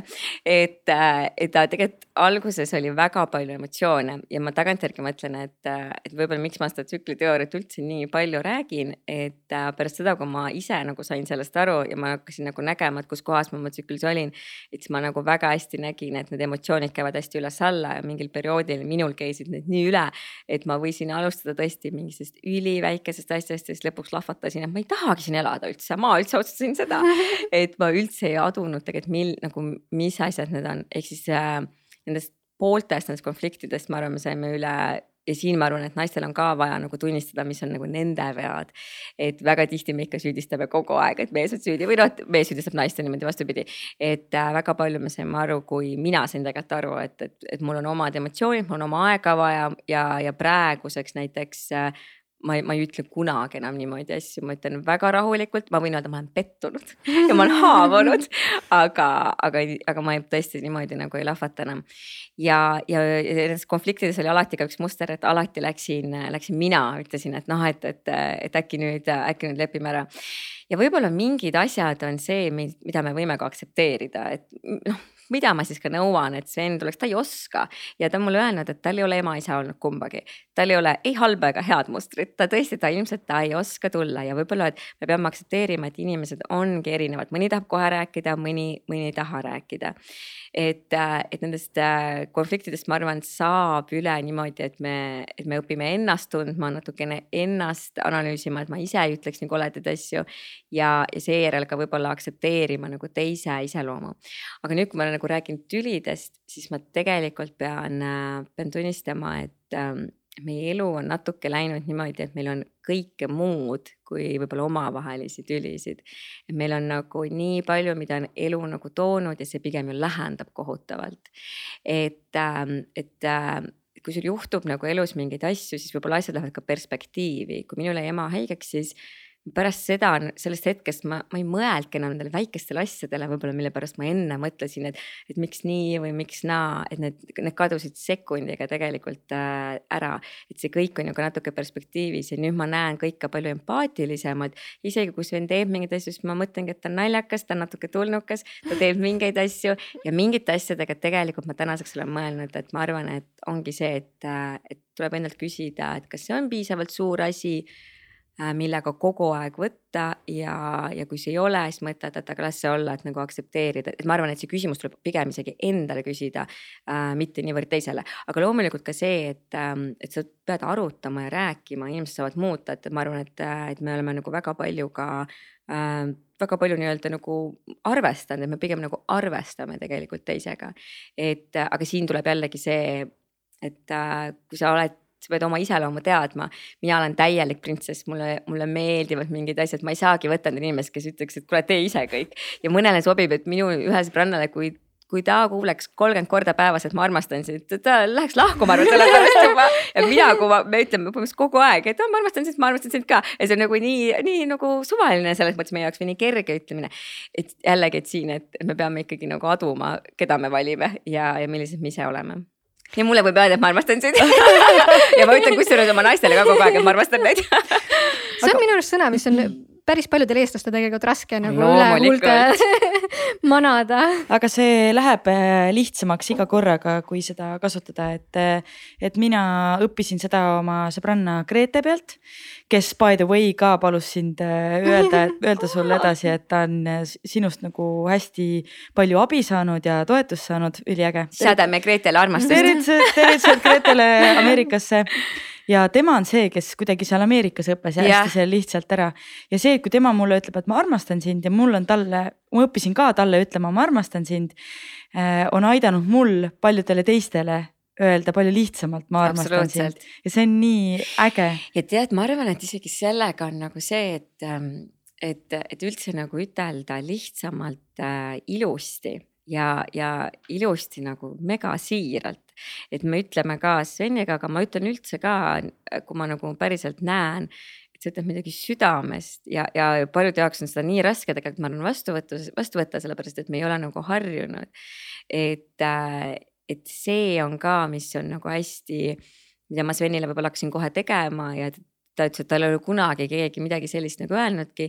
aga minu jaoks ka, et mul ei ole seda, mul ei ole seda üldse raske öelda, kui, kui ma päriselt näen seda või, või lõppkokkuvõttes tekib küsimus, et aga mit, miks ma ei peaks ütlema, et mida me kaotame nagu, mida me kardame kaotada. Ja samas ma olen olnud nagu suhtes, kus mul oli kogu aeg selline, et oot-oot, et ma ütlen nii hästi, et praegu on ju võim minu käes. Kui ma ütlen, siis ma olen selle võimu ära, ma tean väga hästi, ma tean ka väga hästi neid manipulatsiooni, neid kohti, kus me oleme ju tegelikult lihtsalt siin, noh, siin tuleb ju väga selgelt see, et, et me oleme ju tegelikult hoopis mingis teises suhtes, me oleme ju mingis hirmu ja sõltuvus ja harjumussuhtes ja, ja me, ja me oleme hästi ebakindlad suhtes. et, et siin on nagu nii palju teemasid, ma arvan, et miks meil ei ole äh, neid tavapäraseid äh, konflikte. et äh, neid tavapäraseid selliseid, et äh, üks ütleb teisele halvasti, et Sven ütleb mulle mitte kunagi halvasti, et ta ei, ta, tema võtab ka telefoni vastu niimoodi, et jaa, kallis. ja ta ei ütle mulle mitte, võib-olla ainuke kõige, kõige rohkem, mis halvasti on see, et ta ütleb mulle, oota, ma pean ära lõpetama selle ülesande ja siis, kui ma olen, kui ma olen enne päevi, siis ma võin hakata nutma ja ma saan aru, et see on ülereageerimine aga üldiselt, et, et, äh, et siin on hästi palju jah, ma arvan meie enda, enda selle arenguga tegemist mm,? me oleme hästi palju rääkinud sellest, et eh, mida teised inimesed on saanud äh, sinu käest. aga mida see sinu kommuun on sulle andnud või õpetanud? Ma arvan, et äh, kuna kõik juhtus nii nagu juhtus eelmine aasta, siis äh, läbi selle noh, ma nägin veel eriti, kuna ma rääkisin sel samal päeval, isegi kui mu ema suri ära, siis meil oli live ja õhtul suri mu ema ära ja siis ma rääkisin sel hetkel, otsustasin, ma räägin laivis siis kõigile sellest ja lihtsalt nagu surmast ja kaotusest. ja, ja ma olen päris palju seda öelnud ka, et äh, ma arvan, et minu kõige suurem teraapia tervenemine on läbi selle meie, meie enda grupi. et mitte isegi see, et, et ma ise pean kogu aeg kõike rääkima, vaid see, et nemad räägivad ja see, kuidas nad räägivad ja see, et ma nägin sel hetkel, et nii palju ma kaotasin, ma kaotasin kõige suurema armastuse põhimõtteliselt ja siis veel isa ka. et siis ma nägin, et aga seal on olemas see grupp ja armastus ja hoolimine, et see ikka eksisteerib maailmas. kui mu isa ära suri, siis ma lihtsalt pidin kaks päeva hiljem tegema hästi suure ürituse, mis me tegime Swiss hotellis, kus oli sada inimest. ma mõtlesin, et, et no see oli tohutu šokk meie perele, sest et kolm kuud ennem oli alles ema ära surnud ja siis ma mõtlesin, kas ma teen selle ürituse või ma ei tee ja ma tegin ja siis ma lõpus äh, mõtlesin, alguses mõtlesin, et meil tuleb tore üritus ja, siis ma läksin sinna täiesti šokeerituna aga ma ütlesin ka neile, et, et see, see koht, kus me siin olime, et see andis mulle vähemalt lootust, et, et ikkagi elu läheb edasi ja, ja maailmas on ikka see soojus ja armastus. et kui ma, et kui, et kui ma, keegi küsib mult, et mida ma olen saanud sellelt grupilt või community't, siis noh, see on kõige puhtamas mõttes, ma arvan, armastus, et kõige siiramas ja kõige puhtamas mõttes. Vot.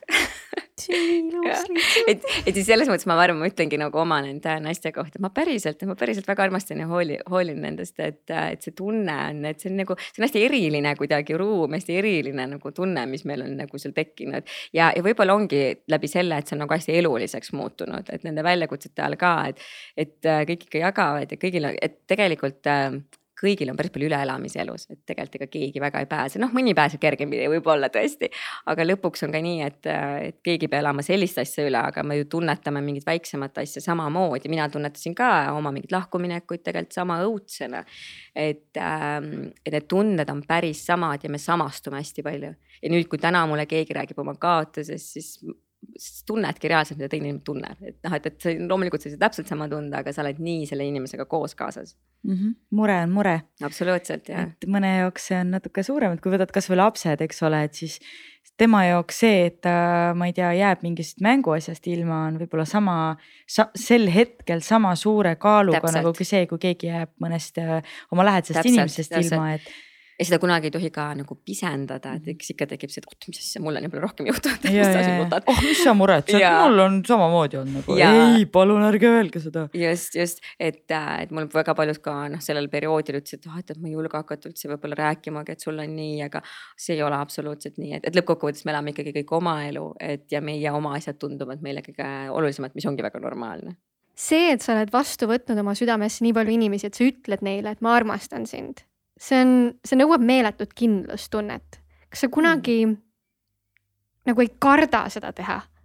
sa avad ennast nii suurele hulgale inimestele iga jumala päev, kas ei ole hirmus? keegi küsis ka, et, et ta tahab oma asja teha ja et, et, et niimoodi haavatav olla, et, et, et noh, et, et mis, et sealt võib ju nii palju nagu halba tulla.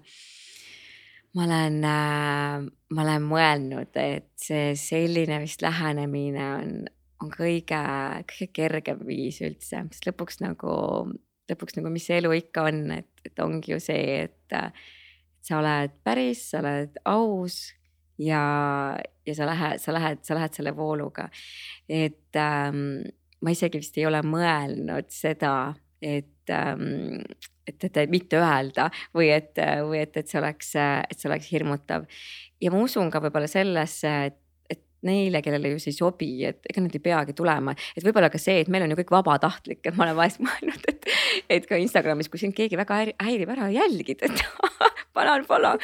et, ähm, et, et minu viis ikkagi elada, elada on, on nii. Ja on ka tegelikult see, sa tunnistad, et no pekki läks tõesti valesti.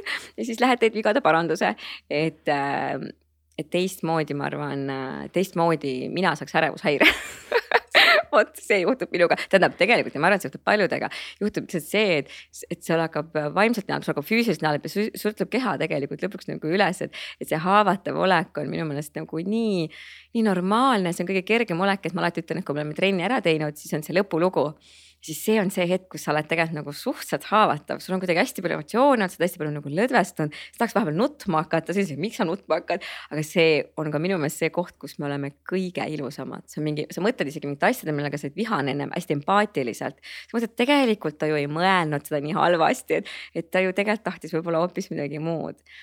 et, ähm, et see selline pehmem eluviis ilmselt, äh, ilmselt on see ja selles pehmuses on ju tegelikult tohutu tugevus see nõuabki minu arust meeletut tugevust, mad respect lihtsalt et sa julged niimoodi oma südame avada kõigile inimestele. see on minu jaoks nii hirmus lihtsalt, kas on midagi, mida sa kardad? Ah, ma arvan, et mina kardangi kõige rohkem seda, et ma teen mingeid otsuseid ja, ja ma ei ole päriselt siiras või päriselt aus ja just nagu enda suhtes. ja siis ma avastan aastaid hiljem, et hmm, et tegelikult ju ma nagu teadsin, et ma arvan, et seda, et ma arvan, et see on üks asi, mis mind nagu praegusel eluetapil ka nagu hästi palju, mille järgi ma proovin juhinduda. Sandra, tahtsid midagi küsida ei, mul on väga palju küsimusi et ja see, et, et jah, et ma nagu avan oma oma südame, et, et siis tegelikult äh, see on vist nagu nii, et ega, et ega see on nii vastastikku, et, et, et äh, teistel selles grupis on ka nii, et nad on omavahel nagu väga hästi juba nagu saavad läbi ja, ja kuidagi see, see tundub seal nagu ainukene viis. mul on isegi selline tunne, et isegi kui mul oli ka see küsimus, et kas ma siis nüüd räägin, mis mu elus toimub, et kui mu ema jäi haigeks, siis nad olid juba paar nädalat enne kõik tajunud, et midagi toimub ja, ja ma ei tea, kas keegi isegi kirjutas äkki mulle, et kuigi ma olin täiesti tavaline ja siis ma sel hetkel ma sain ka aru, et, et, et me oleme nii sügavad ja me oleme nii tunnetuslikud ikkagi, et läbi laivi, läbi nagu ma jumala hästi omast arust eesklesin seal. Et, et siis nad juba nagu said aru, ehk siis seda ka võib-olla, et, ähm, et selle läbi selle, teate selle läbi aususe on lõpuks sul on palju kergem elada. Sa saad vabalt olla ja, ja jõuame tagasi selle juurde, et no mõnus on ju näha, kui on lõdvestunud inimene ruumis.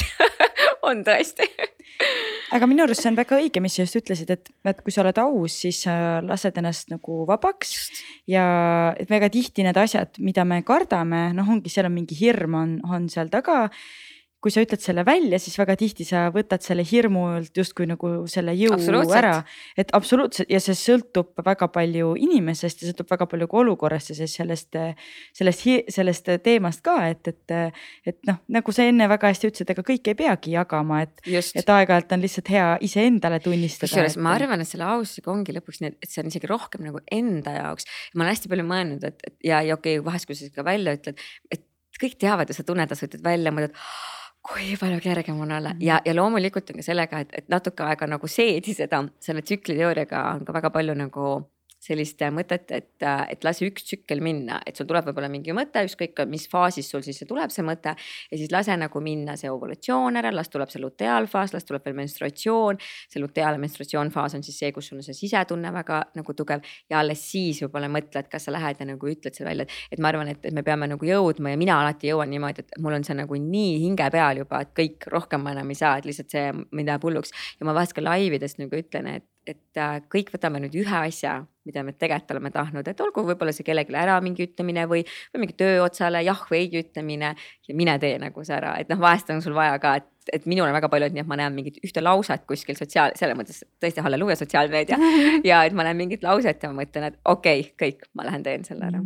Ja, ja tihtipeale võib-olla ka kõigile, et need ei olegi toredad asjad, ma tean, aga veel vähem toredam on seda endas kanda vot ega Eri ja Sandra mõtlevad, et mis üks asi on, mis ma peaks võib-olla ära tegema ei, mul on neid nii palju, ma lihtsalt äh, hoian neid seal riiuli peal nagu stardib valmis, kuna mina ei tea seda tsükliteooriat, siis ma ei tea, millal ma nüüd siis pean nagu toimetama, mis hetkel ma tegema pean nüüd siis? tegelikult on niimoodi, et, et kui sul on enne päevi ehk siis, mis on see selline luteaalfaas ja mis seal, seal looduse aastaaegadega on neid kõige parem tõesti kõrvutada, et meil on nagu talv ja sellega ongi siis menstratsioon. pärast talve on kevad ja see on siis follikulaar luteaalfaas, kus sul justkui algab kõik uuesti, siis on ovulatsioon äh,, suvi ja siis on sügis luteaalfaas ja see sügis-talv, nii nagu looduseski eh,. keegi just ütles, et ta kohtas ühte üheksakümne aastast naist, kes rääkis talle lihtsalt täiesti suvaliselt, see on keegi Resvide liige sellest samast sellest tsükliteooriast ja rääkis, et, et no ei, aga nagu sügis-talv on, et siis sa rohkem oled kodus, et sa samamoodi nagu äh, naise kehas ju istusid, issakene vaesed mehed, ainult looduse järgi peavad elama, meie saame iga kuu seda tunda. ja siis mõtlesin, et appi ja tegelikult see ongi väga iidne tarkus, et see ei ole mingi tänapäeva trend aga siis selle sügise talve ajal, et see on võib-olla just see koht, kus sul tegelikult tuleb päris palju teemasid esile, et see on võib-olla see koht, kus tunneta. nii et millise teema sa sealt riiulilt võtad välja või mis see kõige üleval riiulil üldse on praegu, et seal alumisel riiulil võib-olla las nad olla, las nad veel natukene settivad. ja võib-olla see on ka see, kus nagu tunneta, et, et mida ma peaks muutma, kas peaks muutma. et ähm, mina olen ka olnud see, kes äh, oma tsükli ajal pigem on olnud siis, kui mul menstratsioon, et ei, ei, nui neljaks ma ikka teen need trennid ära ja treenerid kindlasti teavad, sest nad peavad ju tegema ja, ja ma olen pärast olnud nii läbi omadega, et nüüd ma olen selline, et ma liigun hästi aeglaselt ja ma olen pigem arvutis teen oma tööasju, palju vähem võtan koormust ja ma tunnetan päris palju rohkem tegelikult, et mis, mis need mingid teemad on, mis praegu on aktuaalsed. nii et siis selle sügis-talvefaasil, see on see sisevaatluse aga kas sa saaksid natuke rääkida et kuidas seda siis arv, arvutada või arvestada, sest et Kairi, me peame Shalini tagasi kutsuma, sest me tegelikult tahtsime teha kunagi äh, päris nagu ainult ühte podcast'i just, just sellest. sellest teooriast, eks ole. sellest, kuidas naised ja mehed on tegelikult äh, erinevad, et, et aga võib-olla praegu sa lihtsalt natuke avaksid seda, et kuidas iga, kuidas naine võiks alustada nüüd, kui ta ei selles, tea? selles absoluutselt, kui ma minu selles CrossFiti programmis, et siis äh, kõige lihtsam ongi alustada, kui algavad päevad, hakkab menstratsioon. ja mina olen lihtsalt pannud, et äh, neli, neli nädalat ehk siis, et äh, igal nädalale vastab siis üks faas. tegelikult see loomulikult ei ole niimoodi, et meil on kõik need faasid, need neli erinevat faasi, need neli erinevat faasi on siis menstratsioon, follikulaarfaas, ovulatsioon ja luteaalfaas. ja need on kõik mingi noh, mingi siukse ligikaudse päevade arvuga, kõigil meil need erinevad, väga head on äh, igasugused need naiste kuutsükli äpid, et ma alati soovitan ja need äpid ei hoia su rasedust ära või, või rasedust ei tekita, aga sul on mingine arusaam, millal sa lähed ühest faasist teise. ja programmis ma olen kõik hästi detailselt need tegelikult välja toonud, et saaks seda kuutsüklites lugeda. ja, ja kui me algame, alustame menstratsioonist, siis sellel on vastavalt mingid treeningud, mis tegelikult toetavad sind. et nüüd ka teadus hästi palju ütleb, et, äh, et mehed ju teevadki ühte rütmi ja neil on selline hästi hea see üks rütm iga päev ja dieet. aga naistel, see on tegelikult ka hästi loogiline, sest tõesti naiste keha, see, et sul on menstruaaltsükkel, see muudab väga palju sinu keha. meie aju muutub ju väga palju ühe kuu tsükli raames, meie aju on mingis osas mingil ajal kuus palju võimekam ja mingil ajal me peamegi natuke rohkem puhkama ja see ongi okei okay.. et, et selles suhtes, et see on hästi hästi kaua on seda teooriat, seda nagu ei räägita, sest et see on natuke messi teema, see on keeruline. ja sellele on väga raske müüa mingeid asju, kõik need fasting ud, asjad, need vahelduvad paastud, et tegelikult need üldiselt äh, naistele ei sobigi, et tähendab, sa pead lihtsalt neid kohandama enda järgi. ja kui me alustame siis menstratsioon, menstratsioonist, siis äh, sul on teatud treeningud, mul on isegi teatud soovitused, et mida aja planeerimise mõttes võtta. et see ei ole tegelikult see aeg, kus sa kõige rohkem ju tahad esineda või teha nii ja sa võid teha seda, aga ma arvan, väga paljud naised tunnevad ära, et nad on pärast nii läbi. et me saame elada elu palju nauditavamalt, mina näiteks tunnen seda, ma naudin suhteliselt iga päeva ja ma olen päris palju mõelnud seda, et iga päev võikski olla nii, et ma naudin. et mina teen oma esinemised enamasti ovulatsiooni ajal või siis selles kevadfaasis või intensiivsemad asjad ja loomulikult nüüd sa ei saa kogu aeg kõike selle järgi sättida. et siis, siis pärast nendest ka puhkad ja ma teengi nii, et kui mul on olnud mingi raskem esinemine, siis määratud päeval ma võtangi selle vabaks. ja see mõte ka, et sa võtad selle vabaks, et issand, et ma nüüd lähen ristan ennast selle eest, siis see on täiesti vale, et, et see naised nagu peakski endale juba sisse kodeerima ühte kuu, ühe kuu sisse, et ma puhkan ka. see ei pea olema nii, et sa kolm-neli päeva puhkad, aga et sa võib-olla igas päevas puhkad või ühe päeva näiteks puhkad natuke rohkem. ja pärast siis seda menstratsioonifaasi, kui on kevad, siis kevadel on üldiselt palju rohkem sul energiat et siis sellel on omad treeningud, sellele öeldaksegi tegelikult, et tee hiiti, tee hästi kardiotrenne, et su keha aitab kaasa, et naistel ikkagi on see lõks, natukene on see lõks vormi saamisel ja, ja see lõks ongi see, et, et me kogu aeg teeme, langeme ära, et see järjepidevus on hästi raske. mul on väga paljud naised öelnud, et kui nad teevad siis äh, talvefaasil neid painutusi, mis me oleme teinud, mis natuke lõdvestavad sinu keha ja neil tuleb nutt peale. et see on kuidagi nagu nii suur hoolimine endast ja järsku tuleb see, et ma ei peagi minema täna jooksma ja keegi annab sulle nagu loa, et, ähm, et see, et see, et see teadus tegelikult on selle taga, et minu meelest see on nagu nii lohutav ja see ongi nii lohutav, et issand, et minu meelest tekib see tunne, et ma ei ole vale et äh, väga tihti võib tekkida see tunne, et ma olen vale, et ja teised küll saavad, et teine teeb kümme tundi tööd veel selle kõrval. seda peab ka arvestama, et meil on kõigil väga erinev see äh, kuutsükkel ja väga erinevad, ma arvan, ka mingid valud ja asjad ja kui meil tuleb su kevad läbi, siis on suvi. suvi on loomulikult see aeg, kus ma arvan, et isegi kui me ei tea seda teooriat, siis me kõik tunneme mingis osas kuus ennast nii hästi. ma naeran, et mul on alati ovulatsiooniretuusid, need lähevad ainult sel ajal mulle jalga ja, ma, ja isegi need lähevad jalga tegelikult iga, iga päev, aga ma ei tunne ennast hästi, ma tunnen ennast ainult hästi. siis vaatan, damn, ma näen nii hea välja. siis tuleb päevad, ma iial ei paneks endale jalga ja mul oleks mega ebamugav, et siis sisemine tunne on ikkagi nagu nii oluline. ja üldiselt ja ovulatsiooni ajal öeldakse, et sul on hääletämber ka kõige meeldivam, nii et kes podcast'e salvestavad siis teate planeerida. peame tsüklit saama klappima. Te peate, te peate jah klappima saama, kusjuures päris paljud öelnud, et, et neil on alati, kui nad minuga kohtuvad, neil hakkavad pärast päevad kellel päev ei ole, me võime kohtuda et äh, mingid maagilised asjad juhtuvad ja, ja siis pärast evolutsiooni on see sügise, see sügise faas ongi tegelikult naistel kõige pikem, et see on kümme kuni äh, neliteist päeva, see on väga pikk. algus on veel väga okei okay,, nii nagu praegu see sügis on, aga see lõpupoole enam november ei ole nii okei okay.. et, äh, et siis tegelikult on sul palju raskem ja siis see on, ma arvan, emotsionaalselt väga paljudele väga-väga-väga raske aeg.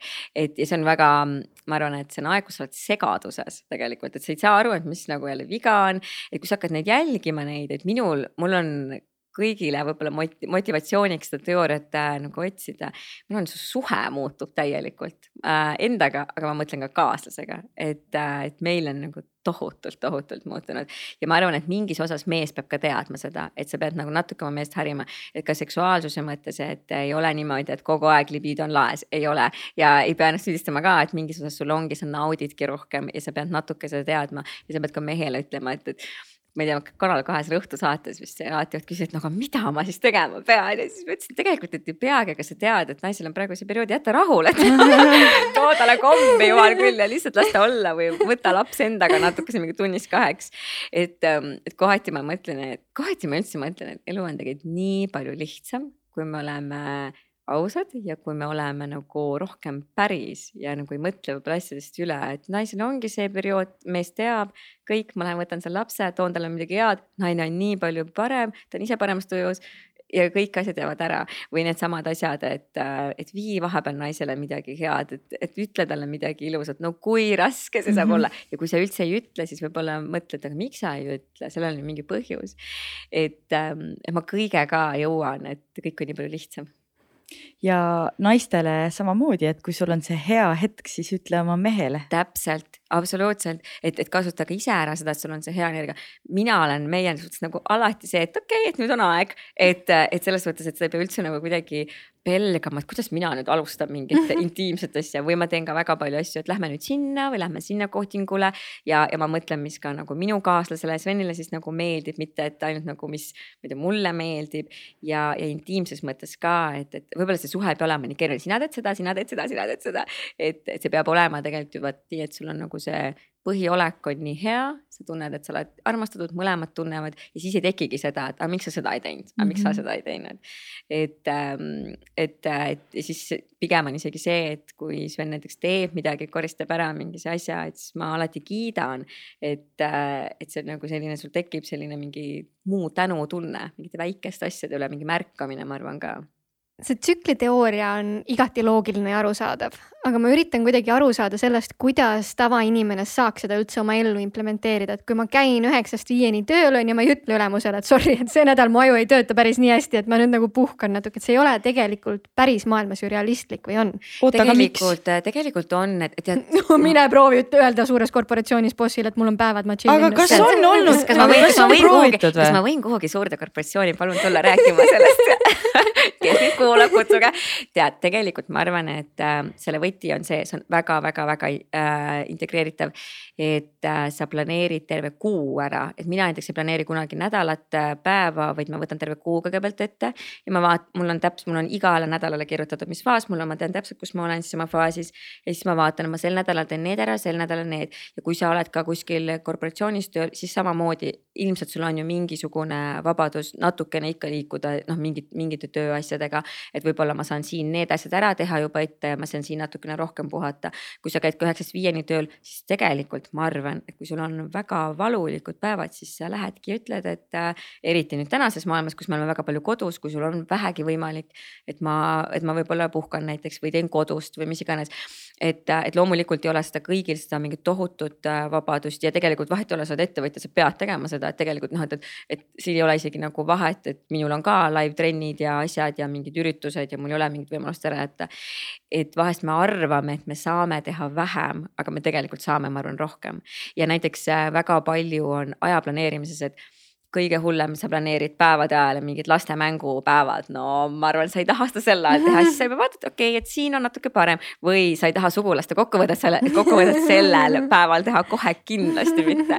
et ma näen, ma tegin alati seda, et, et ma olin siis kevade faasis, päevad olid läbi ja siis mõtlesin, no nii, kellega ma kokku saan, planeerisin kõik ära, siis võib järgmine päev, see sügise faas ja mõtlesin, ma ei viitsi. Ja siis ma kogu aeg tühistasin. Ja kui palju pettumust, ma arvan, ma inimestele valmistasin. nüüd ma, ma ei, ma ei lepi midagi kokkugi enam, et see on selline hästi nagu aus olemine ka et, äh, et ma arvan, et seda saab äh, igas, igas, igas nagu valdkonnas, kus sa siis töötad, et seda saab küll tegelikult integreerida. ja loomulikult äh, ma tean, et osad ettevõtted on juba nagu viinud selle sisse, et, et teevadki nagu vastavalt selle nii-öelda selle tsüklile siis ka mingeid asju, et töötajad nagu võivad teha. et meil on nagu mingid teatud tugevused ja nõrkused ka vastavalt suvele, vastavalt sügisele siis. mulle tundub, et see on täpselt sihuke, et kui sul on ähm, ettevõttes personalijuht, kes on naisterahvas, siis tema nagu mõistab seda ja oskab seda enda kasuks tööle panna. aga kui sul on sihuke kuuekümne aastane meesterahvas seal ees, kes on võib-olla sihuke väga autoriteetne ka, et ma isegi mina, kes ma olen väga enesekindel, ma arvan, et ma naisterahvana mõtleks kaks korda, et kas ma lähen räägin talle, et mul on päevad, et kuidas ta nagu suhtub sellesse. selle, selle teemaga on minu meelest nagu nii tore asi see, et, et, ähm, et kuna naised on õnneks äh, nagu väga häälekad ja võimekad ja ägedad, et siis kui keegi ütleks midagi, et umbes, et no ma ei tea, mind ei huvita, sul päevad on, siis ma arvan, et see torm, mis see inimene saaks, oleks täna õnneks, tänasel ajastul, ta lihtsalt, ta lüüakse risti et kusjuures seda ma olen juba mõelnud, et, et õnneks meie ühiskond on nagu nii palju arenenud, et kui keegi julgeb seda avalikult umbes öelda, et ma ei tea, et sa oled mingi sünnitanud või rase või noh, et, et mingi sellise põlgusega, et siis nagu naised seisavad enda eest täna õnneks nii hästi juba. et, et ma arvan, et see sunnib ka neid kõige konservatiivsemaid äh, mehi äh, liht-, isegi kui nad ei nõustu sellega, et nad peavad lihtsalt joonduma äh, ühiskonna järgi nüüd see teine pool, mis on nagu keeruline selle tsükliteooria juures on see, et jah, see on hästi tore, kui sul on iga kuu regulaarne tsükkel, aga kui sul ei ole, väga paljudel inimestel on ju mingi nelja kuu tagant palju. korra on ju, et kuidas siis seda enda jaoks. tööle panna yeah. ja väga palju ja noh, ja siis paneme juurde, kes on ju beebiootel viimetama mm -hmm. ja tõesti väga paljudel on äh, probleeme, et siin ka, et sa ei ole absoluutselt üksinda, et ma arvan, et see, see on nagu nii sage nähtus. ja sa ei ole üksinda, kui sul ei ole libido on madal ja nii edasi, et osad arvavad, et noh, et, et see on ainult nagu minu probleem. et, äh, et esiteks ma ütleksin kindlasti, et tuleb minna naistearsti juurde, kui sul ei ole, et väga paljud mõtlevad, mis ma lähen sinna, ma ei saa sealt abi et me tegime ühe hästi toreda naistearsti Ivika Jaaksoniga tegime ka Gracefiti eraldi rahastamisvastastes vahendites tegelikult äh, siis äh, sellise väikese videoloengu, aga sealt kõige suuremalt mis tuli läbi, on see, et mine arsti juurde, kui sa ei saa vastuseid, mine teise arsti juurde, et äh, tihtipeale me tahame täiskasvanuna olla ka veidike ikkagi nii, et, et arst ütleb meile kohe kõik ära vastused või siis, et tahame, et ikkagi emme või issi nagu hoolitseks, aga mina sain ka sellest nagu väga hästi aru, et ma olen ise oma emme-issi nüüd, ma pean ise hoolitsema, kui ma ei saa vastust, ma lähen kellegi teise juurde ja nii kaua uurin, kuni ma saan vastuse, et miks mul ei ole, mis mul viga on, sest tegelikult sellel on alati mingisugune põhjus. ja, ja tavaliselt on ka siis see, et, et see põhjus tegelikult, et ähm, et väga-väga palju saab ära teha tegelikult oma stressi natukene ohjamisega, väga palju saab ära teha siis õige liikumise ja toitumisega. et need on kõik need asjad, mis toetavad sind, aga väga tihti on sul vaja ka meditsiinilist sekkumist, et siin on ka nagu see, et siin tuleb ikka mõlemat poolt usaldada, et mitte nii, et meditsiin ei, ei aita mitte midagi. aga selle teooria osas äh, mina olen toonud välja alternatiivi ja alternatiiv on siis äh, taevas oleva kuu faaside tsüklite jälgimine ja täpselt nii ongi, et siis äh, vastavalt nendele faasidele, mis siis kuu, kuu, kuu meile näitab, on siis ka tegelikult need naiste kuutsüklid äh, nii-öelda vastavuses. ja, ja, ja selle järgi tegelikult ol-, see on täpselt selline teooria, vanasti ju väga palju selle kuufaaside järgi vaadati põhimõtteliselt oma evolutsiooni ja tehti oma viljakus kõike rituaale ja nii edasi. ja see on täpselt see, et see on ilus müüt või võib-olla on see tõde, noh, kes teab. ja ma arvan, mida me ei saa ümber lükata või siis nagu tõestada, et las see olla, et kui see aitab ja see aitab võib-olla just seda, et, et ma saan nagu rohkem kontakti endaga, et mina näiteks, mina vaatan, just tõmbasin selle kuu nende siis nii-öelda astroloogilise kuutsüklite äpi, et mingeid muid asju vaadata, et see on väga põnev maailm mm. -hmm. et ma väga soovitan seda, sest et tegelikult kõik need asjad, mis meil võib-olla seal programmis on või siis seal, mis seal mida ma soovitan, on tegelikult hästi elementaarsed, et sa ei pea neid tegema vastavalt tsüklile, aga see tsükliteooria annab lihtsalt nagu nii palju juurde ja, ja kes tahab seda sügavamat tunnetust, et siis mina soovitaksin seda. aga mida sa ütleksid naisele, kes äh, praegu kuulab ja ta mõtleb, et ta on kõike proovinud ja kuulab, mõtleb, et noh, tundub nagu fun stuff, aga ma olen kõike proovinud ja ma ei usu, et see enam, et midagi võiks nagu mulle aidata mingit tasakaalu leida või ma ei tea, kaalu langetada või nagu tervem ja tervislikum olla. ma arvan, et, et asi ei olegi ju tegelikult selles, et, et me kõike, me kõike proovime, et ma arvan, et see ongi võib-olla see, et me läheme ühest programmist teise, et tegelikult see on ju see lõks vahest, kuhu me jääme ja, ja võib-olla miks ma seda naistekutsükli asja lihtsalt nii väga usun, et minu meelest minu jaoks on see ka nagu esimest korda, mis ma tunnen, et aga see on ju midagi, mis on, mis olengi mina, mis ongi see, mis on minuga nagu kaasa, kaasa sündinud. et see ei ole ju see, et joo ainult kohvi või, või ma ei tea, mis iganes dieedid. et see midagi, et, et see midagi, mis on sinu sees ja ma arvan, et kui me oleme kõike proovinud, siis võib-olla selles ongi see teema, et me oleme kõike proovinud, aga me ei ole proovinud seda, mis me päriselt ise oleme. et, et me nagu läheme hästi kaugele endast ja siis mõtleme, et tee, meid midagi nagu ei, ei mõjugi, me teeme seda dieeti. aga ma arvan, et see, see vahe ongi see, et sa tuled hoopis tagasi enda juurde ja hakkad natuke rohkem ennast tunnetama, mis mulle sobib ja katsetama. ma ka programmis ütlen, et mina ei saa öelda sulle täpselt ette, ma annan sulle kolm-neli kuud ette täpsed juhised, aga siis sa pead hakkama ise leidma ja siis läbi selle nad leiavad oma rahu, siis nad vaatavad, aa, aga mulle sobib tegelikult hoopis nii. mulle ei sobi mediteerida hommikul, mulle sobib lõunal, aga mulle üldse ei meeldi mediteerida, aga mulle meeldib seda teha mm. -hmm. ehk siis, et, et ma arvan, et see viib meid õudselt segadusse, et meil on mingid programmid, väga ranged programmid, aga me ise ei ole, me oleme kõik nii erinevad, et ma hästi palju nagu oma programmis ka ütlen, et oma rütm, austa oma rütmi, austa oma etappe, austa oma soove. väga tihti, miks me ei leia seda rahu, sest me teeme mingeid soove sellepärast et teised teevad, sellepärast et ühiskond on, sellepärast meie kaaslane nagu tahab.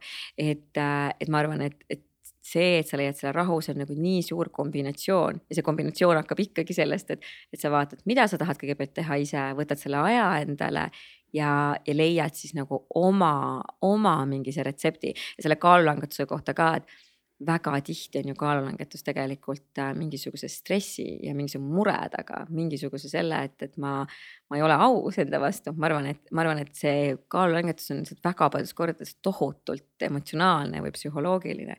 et ma arvan, füüsiliselt on kindlasti mingi protsent ju, kellel on füüsiliselt, et tal ongi lihtsalt see, et tal on väga raske saavutada. aga suur osa ei ole ju tegelikult, suur osa on ju kõik emotsionaalne, et äh, mulle väga paljud öelnud, et et issand, et, et nii kahtlaste asjadega tegeletakse seal, et, et noh, sihuke vaimne tervis ja menstruatsioon, et ikkagi väga kahtlane, ma saan aru. siis ma olen mõelnud ka, et, et see vaimne tervis, et õnneks noh, nüüd me räägime sellest nagu väga palju. aga mina, ma tegelen iga päev sellega, et nii-öelda ellu jääda, et nii-öelda oma leinast nagu läbi, mitte läbi saada, vaid ellu jääda sellega. ma tegelen vist iga jumala päev, et äh, tunda ennast nagu normaalsena. et äh,, et see, et me pole üldse tegelenud sellega, et see on üks asi, mida ma tahaks näiteks tohutult, et ma oleks saanud oma emale veel anda, et tal on see oma aeg. ja ta just nimelt see oma aeg, see on ju see, mis meil naistel on kõige rohkem see, et enda aega, et, et, et ma ei leia enda aega, aga, aga siis järsku nad hakkavad võtma seda, järsku leiavad aina rohkem ja siis vaatavad, oo kui palju nagu muutub. et, et see minu emme põlvkond ja nema, nende jaoks ei olnud see normaalne, tänaste naiste jaoks see juba natukene on normaalsem. et, ähm, et see on võib-olla üks asi, mida ma näiteks nii, nii tahaksin anda ja kuna ma talle ei saa seda anda, siis ma soovin seda kõikidele teistele naistele anda, kes mu programmi tulevad. et nad saaksid selle, selle nagu selle emotsionaalselt selle hea koha ja mul on ikkagi väga paljud öelnud, et pärast seda neil on päevad alanud näiteks või et neil on tohutult palju muutuseid tekkinud. et ähm,, et siin, siinkohal küll ma ütleksin, et, et rahu ja, ja ikkagi enda tunnetust. sa ütlesid, et sa proovid iga päev ellu jääda. mis on need asjad, mida sa teed selle jaoks, et mitte kukkuda kuhugile musta auku. ja ma reaalselt äh, täiesti, et ma proovingi tõesti, et iga päev ellu jääda ja, ja see võib-olla on ka hoidnud ära mul selle, et kui ma kukun sinna auku, siis ma tulen suht kiiresti sealt välja ja ma ei kuku enam sügavale lihtsalt ja ma olen kukkunud väga sügavale. Äh, ma olen ärganud tõelise häbitundega hommikul üles, ma olen, et rohkem ma selliseid pidusid ikkagi teha ei saa, nii et, et selles suhtes, et ma olen täiesti ta- ja ma joon alkoholi ja söön liha ja olen täiesti tavaline inimene tegelikult et äh, ma iga päev, nüüd ma olen küll, et ma kirjutan ja see on minu jaoks väga teraapiline, see on tohutult teraapiline. see on peaaegu nagu läbi selle, ma olen läbi südamevalu selliste nagu oma suhete teemade ja läbi leina ikkagi praegu väga palju läinud ja kirjutamiseks on väga erinevaid äh, tehnikaid, ma tean, et päris paljudel tekib küsimus, aga mida ma sinna kirjutan? Ja see on väga okei okay tunne. Ja algus on väga piinlik, ma tean. ja, ja, ja programmis me, ma põhimõtteliselt iga nädalal ma annan ka igast kirjutamisülesandeid, et see on päris hea nagu sisevaatlus. Äh,. ma liigun, tõesti, ma liigun iga päev, ma viimasel ajal ma teen hästi palju ja, ja ma liigun ikkagi nii, et ma, et ma hingan, et ma hingan hästi tugevasti, ma, ma vahepeal kõik pidid minuga koos karjuma näiteks sellepärast, et noh, mul oli äng ja mul oli vaja karjuda, siis mõtlesin karjumas kõik koos, kõik karjusid. Golden Globis ka kõik karjusid, nii et ja see on mega vabastav, et, et võib-olla see liikumine ka, et, et vaadata, et mis sul sel hetkel on vaja, et mõnikord mul on ka vaja lihtsalt painutada, aga mõnikord mul on vaja ka tohutult higistada. Et äh, üks väga hea sõbranna on öelnud, et pole midagi spirituaalsemat kui üks higine trenn. Täpselt nii ongi. ja, ja ma praegu ma, praegu ma käin ujumas või nagu noh, lähen nagu õue või välja, see ujumine, mina teen ujumist siis, kui mul on vaimselt väga raske, mitte siis, kui mul on väga kerge, siis ma ei viitsi seda teha, ma arvan. ma teen siis, kui mul on raske, sest et see on midagi, mis mind lihtsalt nagu paneb sinna vette ja šokeerib, et aa, näe, ma olen ikka elus, kõik on okei. Okay.. et ähm,, et ma teen, ma järgin sellist asja, et ma teeks iga päev midagi füüsiliselt, midagi vaimselt ja midagi oma südame jaoks ja ma arvan, see südame jaoks on kõige raskem inimestel, et noh, füüsiliselt me saame aru, et trenni, vaimselt näiteks võib-olla sa loed, mina ka loen näiteks iga päev. ja südame, südame jaoks on minu jaoks, kas ma jalutan, kas ma kirjutan, kas ma lähen ujuma või südame jaoks võib minu jaoks olla ka ma triigin, mulle väga meeldib triikida mu ema kogu aeg triikis ja et ükskõik, mis see tegevus on, et aga et sa vaata mõt-, mõtestad korraks nagu ära, et ma teen seda praegu enda jaoks. ja ma päris palju nagu ütlengi inimestele, kui te ärkate üles, et, et küsi kõigepealt endalt, et, ähm, et kuidas ma, kuidas ma tunnen ennast, kuidas mu süda tunneb, et, et korraks sa võtad nagu need ajad. Sa enne paari sõnaga mainisid ka psühholooge ja holistilisi terapeute, et kuidas sa nendesse suhtud, kas see on midagi, mida me kõik võiksime praktiseerida? väga hästi ma arvan, et ma arvan, et kõik võiksid seal käia et, et ja ma arvan, et nendega on niimoodi, et, mõnda aega käid ja siis on paus ja võib-olla siis käid uuesti või käid kogu aeg mingi aja tagant et äh, ma usun, et enam ei ole nagu seda, et, et see on imelik või et sa oled hull, et ma arvan, et võib-olla isegi viis aastat tagasi, kui ma hakkasin käima, võib-olla siis oli rohkem. aga täna, tänaseks mu hea sõbranna naerab, et ta nii, ta nii armastab mind, et alati, kui me räägime millestki, ma alati ütlen, mine terapeudi juurde et, et, et ta on ise ka hakanud kõigile juba soovitama, sa peaks psühholoogi juurde minema. ja ma väga usun sellesse, sest et ähm, noh, ikkagi sul on teist inimest vaja paarisuhetes, sul on vaja seda kolmandat inimest, vahest nagu, vahest ma mõtlen lihtsalt, et jälle sama teema, et kui kergelt me saame asju tegelikult lahendada. aga ma arvan, et äh, see, et kuhu me peame minema, kas see on psühhiaater, kas see on kliiniline psühholoog või see on holistiline terapeut, see väga oleneb, millega, millega sa tegeled. minul on olnud see, kus ma olen tahtnud minna konkreetselt kliinilise psühholoogi juurde ja siis ma olen mõelnud, et ei, et ma tahan minna kuhugi natukene teistsuguse lähenemise juurde, mingi see veidikene midagi muud, midagi võib-olla suuremat ja mul ongi vaja sellesse uskuda.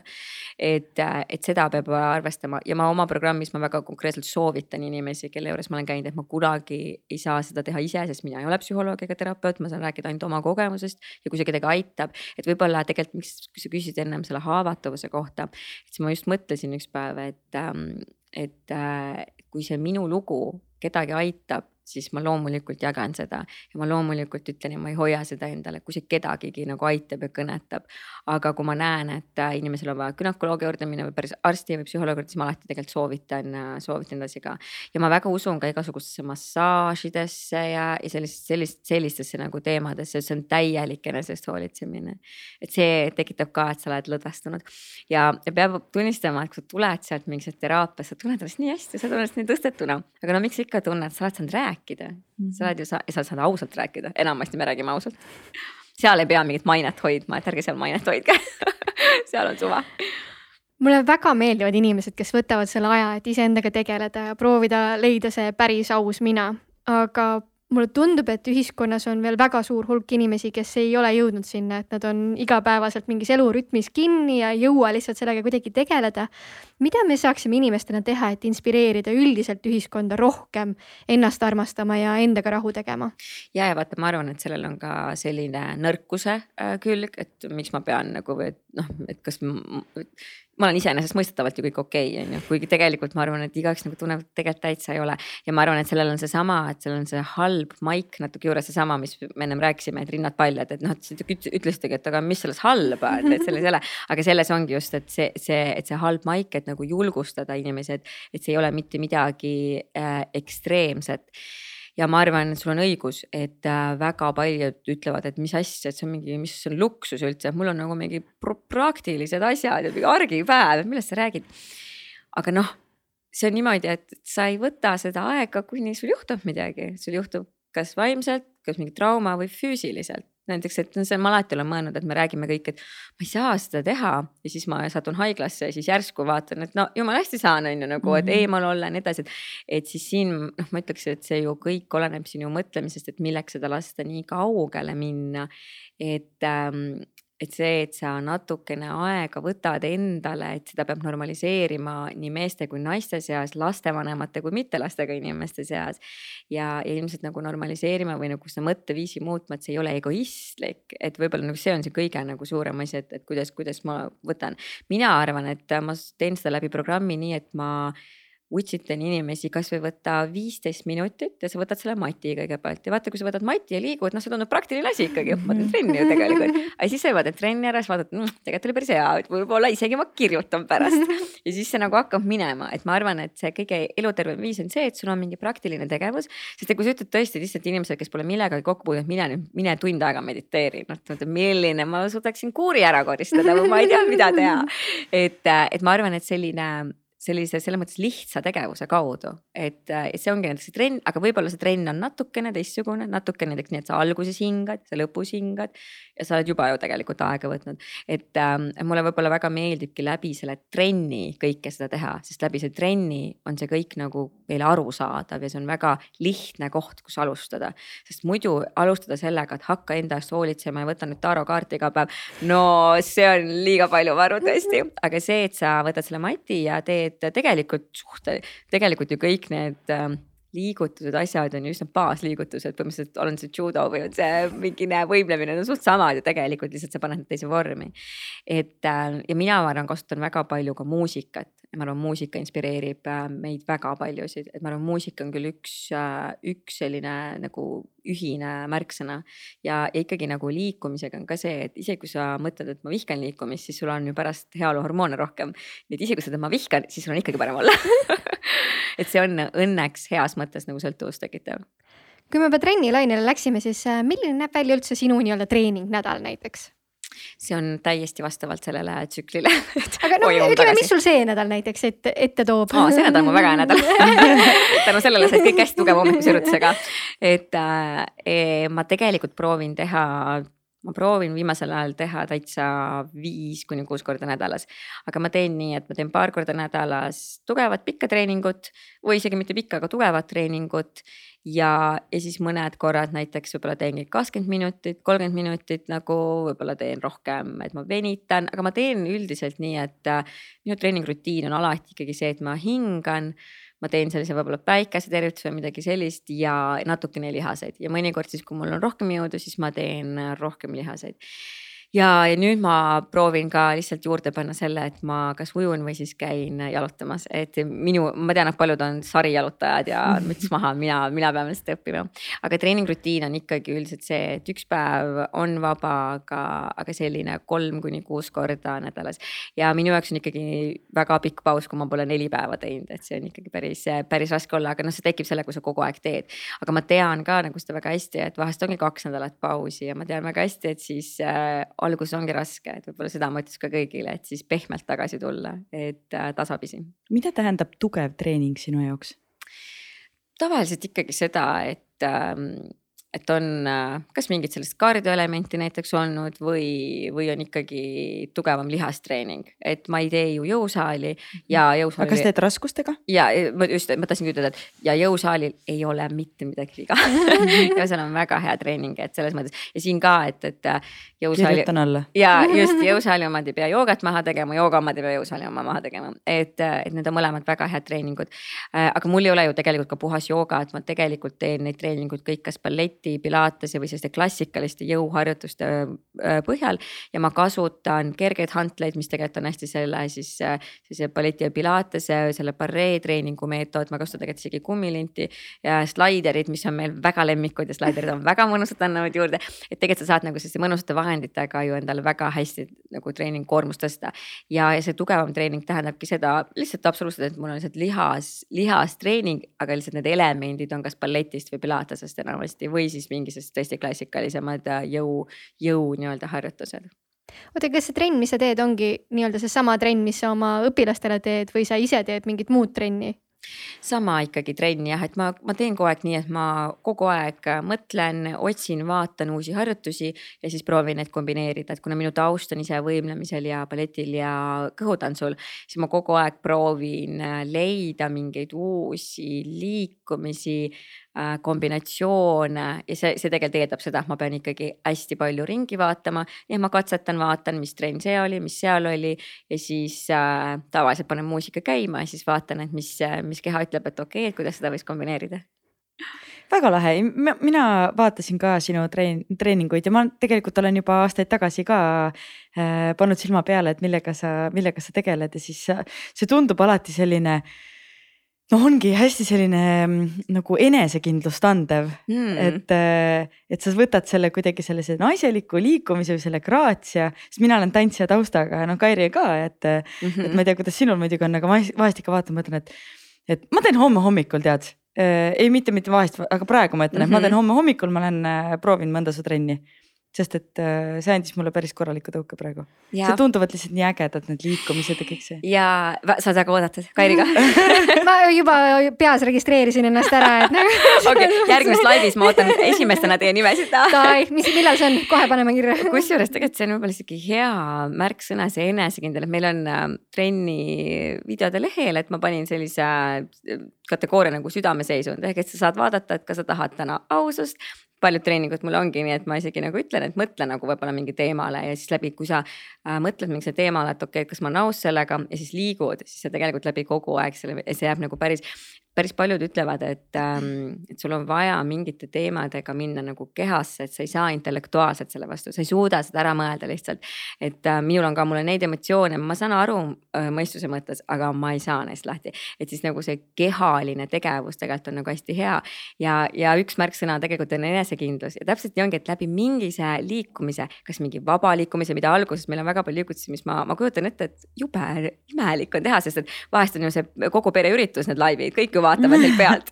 et aga ma ütlen ka, et vahet ei ole, kuidas see välja näeb, et, et see annab küll nagu, see annab sellise täieliku vabaduse ja ma päris palju ka ütlen, et, et improviseeri. et ma teen mingit sellist liigutust, aga panen silmad kinni, vaata, mis sa teed ja siis me teeme jälle nagu kõik koos mingeid asju. et, et ma väga, ma väga usun sellesse ja ma tegelikult usun sellesse nagu, et keha peaks olema vaba, et sa peaks tundma ennast nagu vabana. ja ma täna siia sõites mõtlesin tegelikult, et samamoodi häälega, et me ju nii palju, me tunneme piinlikkust oma hääle üle, aga see on ju meie hääl. et meil nagu on, me peame sellega saama kuidagi sõbraks hakake podcast'i tegema, harjuta ära lihtsalt, lihtsalt sul ei ole valikut. või siis teine variant, hakake story sid tegema Instagramis. Te ei pea neid isegi üles panema, te võite lihtsalt vaadata neid. täpselt. Ja kõik treenerid ilmselt teavad seda, et alguses on õudselt nõme, aga pärast on nii ükskõik. jah, just. Ja see, see, aga see on, see on nagu hästi, see on hästi võimas tegelikult. Mm, -hmm. et kõik need, mulle tundusid ka alguses need karjumise mingid tehnikad väga imelikud, aga see on nii vabastav tõsi meil on tegelikult endal veel mingi mustmiljon küsimust, mida me ei ole jõudnud küsida Vol kaks episood siit ta tuleb. ilmselgelt, ilmselgelt aga tahaks anda sõna ka fännidele, et nad saaksid küsida ja Kairi on esimene fänn, kes küsib, sest üks küsimus, mis jäi täiesti meil kategooriast välja, aga mida ma väga tahan teada, on see, et äh, sul endal on Instagramis äh, päris suur jälgijaskond.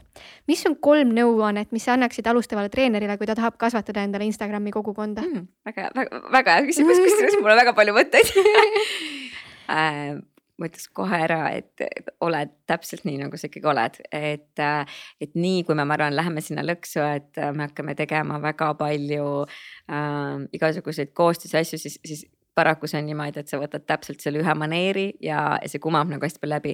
ja ma saan aru, et võib-olla mõne inimese jaoks on see, on see töö või, või, või jah, ilmselt, aga, aga treeneri jaoks esiteks see ei ole ju, sa ei, sa teed treeneri, võib-olla, et hoia meeles seda, mida sa teed, sa teed ilmselt seda treeneri tööd ja loomulikult sa võid koostöösi teha, aga kindlasti nii, et see oleks nagu loomulik, et ehk siis see, et tõesti, et, et ole täpselt see, see, kes sa oled äh,. ma soovitaksin ka seda, et, ähm, et noh, et sul on ju mingisugune, mingisugune eesmärk või missioon või mingi oma stiil, kuidas sa ilmselt ju inimesi juhendad või treenid.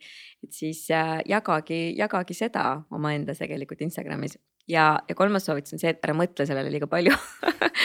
Et ma arvan, et see selline ülemõtlemine, et, tegelikult, et äh, see ei ole ju nüüd nii oluline või võib-olla mõtle läbi, et kui, kui oluline sul on üldse, et kui palju neid jälgijaid on, et tegelikult, et võib-olla mõnel on ju rohkem oluline.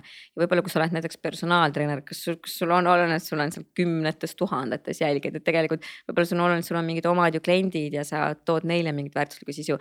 et, ähm, et me ei kaotaks ära võib-olla seda, et miks me teeme seda või, või et, või et noh, et see number, keegi tegi ettepaneku, et ähm, võtame kõik inimesed kokku, kellel on palju jälgijaid, saame omavahel vahetada neid jälgijaid. ma ei, ma ei saa täpselt aru, mis moment oli, aga ma ütlesin ka talle, et see ei ole tegelikult üldse omaette nagu äh, eesmärk, et tegelikult eesmärk on see, et mis väärtust või sisu ma pakun. ja võib-olla nagu lihtsalt läbi mõelda, et kuidas läheneda asjale, et kas ma lähenen läbi visuaali. et minu näiteks on, kes on fotograaf, minu Pillelis, tema, ta põhimõtteliselt postitab seda, mida ta näeb. see on hullult ilus viis, aga ta on fotograaf selles mõttes, et tal on väga hea visuaal või läbi teksti või läbi selle, et sa hoiad igapäevaselt inimesi kursis. mina näiteks ju postitan nii, et ma ei hoia igapäevaselt ja ma kirjutan kaks tundi ennem selle story valmis ja siis ma panen ainult nagu tekstiga ja võtan mingid visuaalid lihtsalt illustreerimaks seda, sest et mulle meeldib kirjutada. ehk siis võib-olla mõtlen nagu stiililiselt läbi ja tõesti nagu lõpuks on see, et, et sellele mitte liiga palju mõelda, kui need jälgijad tulevad, siis nad tulevad ja kui nad ei tule, ma arvan, sellest ei ole ka tegelikult mitte midagi, et kui see ei ole tegelikult sinu eesmärk, et sul on saalis kümme tuhat inimest, tegelikult see ei ole ju eesmärk põhimõtteliselt, et, mis see eesmärk võib-olla ka on. ja minu tegelikult see sotsiaalmeedias on täpselt hästi orgaaniliselt lihtsalt kasvanud, et, et ma teen koostöösi väga harva. ma jagan päris palju, aga ainult seda, mida ma ise usun ja mida ma kasutan ja mida üldiselt mu mannaterad teevad, sest mulle väga, meile, mulle tegelikult väga meeldib see, et, et me saame üksteist toetada, et see on päris nagu äge ja, ja võib-olla ka see, et, et ma ei ole nagu nii palju ekstra sellele e, mõelnud, ma ainult nii palju mõtlen, et ma ära ei kaoks. ja et ma, aga, aga vahest on mul nii, et et mul ei ole nagu seda tunnet ja ma postitan alati siis, kui mul on tegelikult see energia, alati ei saa ka selle peale loota, aga, aga need, need oleks mu soovitused. väga head soovitused. ja siin on tegelikult päris palju lahedaid küsimusi, aga ma küsiks sellise, tundub lihtne, aga ma arvan, vastata võib-olla ei ole nii lihtne. iseloomusta ennast ühe sõnaga. järjepidev. no vot nii et kui teile meeldis see, mis te täna kuulsite, siis teadke, et mis on see sõna, mis võiks teid kanda selleni. tegelikult mul teine sõna ka, mida no. hästi palju vihkavad, fookus siis ma ütlen alati inimestele, et olge, võtke fookusse ainult mõned asjad ja mõned inimesed. jah jah jääme, jääme kahe sõna juurde. ja sobib, see on sinu podcast, sa võid kolmanda ka võtta eh, Kairi, kas sa sooviksid ise midagi küsida või ma küsin? ja ma võtan eh, selle, millega ma väga relate in. kuidas leida tahtejõudu viia ellu muutusi iseendas? Äh, ma arvan, et, et ma arvan, et seda tahtejõu, täna hommikul ma just ütlesin, et, et ei ole niimoodi, et, et sa nagu arvad, et kõik tuleb lihtsalt ise ja et, et mõni, mõnda asja sa pead tahtejõuga tegema, näiteks seda, et tahtejõuga olla järjepidev, teha trenni. aga nende muutustega elus, nendega ma arvan, et äh, sul tuleb lihtsalt see hetk, kus sa ei saa teistmoodi, kui sa ei ole seda tahtejõudu muidu leidnud. mõnel inimesel on palju lihtsam vaata neid muutusi teha, ta tunneb noh, palju lihtsamalt ära, et okei okay,, ma teen ja te, teisel, kellel siis e, kes nagu ootab ja ootab seda, siis ma üldiselt kipun arvama, et tuleb see hetk, kus sa mõtled, et teistmoodi enam ei saa, nii et äh, võib-olla siis peab tulema krahh et, äh, et teha seda muutust. ei taha krahhi. jah, vot, aga võib-olla see hirm, et sa ei taha krahhi mhm. võib-olla see äh, motiveerib teha seda muutust. et, ähm, et võib-olla natuke mõtelda ka, et kas selle, selle taga on lihtsalt mitteviitsimine või hir-, noh, mingisugune hirm, et ma, et ma, et ma ei julge seda muutust teha. et võib-olla minu jaoks toimib väga hästi see, et, et ma küsin, et okei okay,, et miks ma ei julge seda teha. mul on näiteks väga kaua olnud nii, et ma olen tahtnud äh, ma olen tahtnud minna näiteks nagu rändama või nagu pikemaks, siis ma mingi päev küsisin endalt, et aga miks ma ei lähe või noh, et, et ja siis ma ja tegelikult hakake küsima endalt, aga miks ma ei tee seda muutust.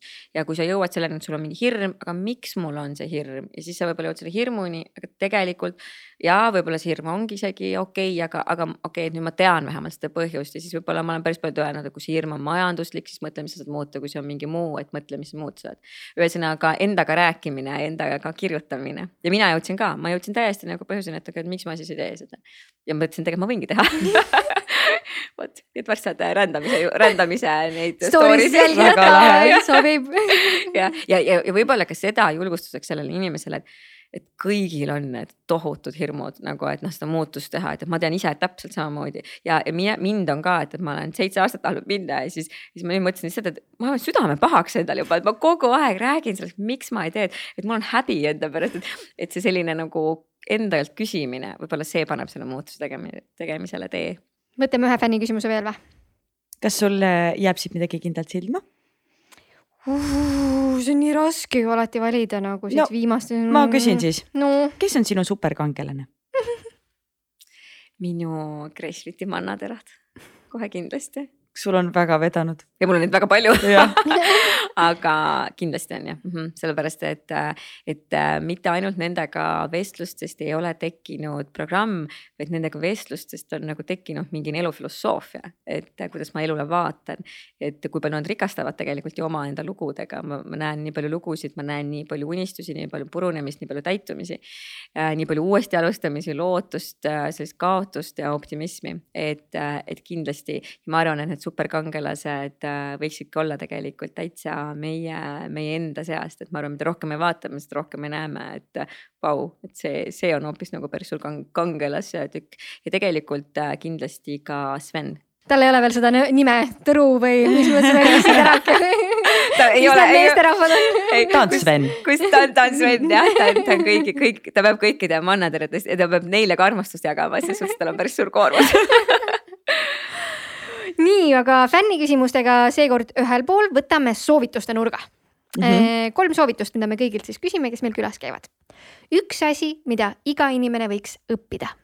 sihukest väga lihtsat ja loomulikku viisi, kuidas äh, liikuda, oma, oma liikumist, äh, mõelda, kuidas temale meeldib liikuda siis üks teos, mida iga inimene võiks tarbida, olgu see siis raamat või näidend, podcast, mis iganes ma ei arva, et see lihtsalt ainult üks teos on, aga ma siin soovitaksin, kuna me ikkagi, mina tegelen nii palju naistega, et siis ma väga soovitaks lugeda äh, seda Katrin Saali-Sauli raamatut naiseks olemise kunsti. et ma arvan, et miks ja ka miks, sellepärast et äh, minul algas äh, kaks tuhat kuusteist kevad tema teraapias ja tema raamatuga tegelikult väga-väga palju. ja ma usun, et kõik need, kes on ka nende muutuste ja eneseanalüüsi selle teel, et see selgitab äh, väga palju enda kohta mingeid nagu arusaamist ja see tsükliteooria tegelikult on teine, mis ma arvan, naisena tekitab hästi hea baasi, mille pealt edasi minna, et see ei ole kindlasti ainult üks teos, aga see on üks koht, millest alustada ja mul on täiesti, see on kohustuslik kirjandus mu programmis kusjuures Sandra, peame listi panema nüüd kohe. mina olen seda lugenud.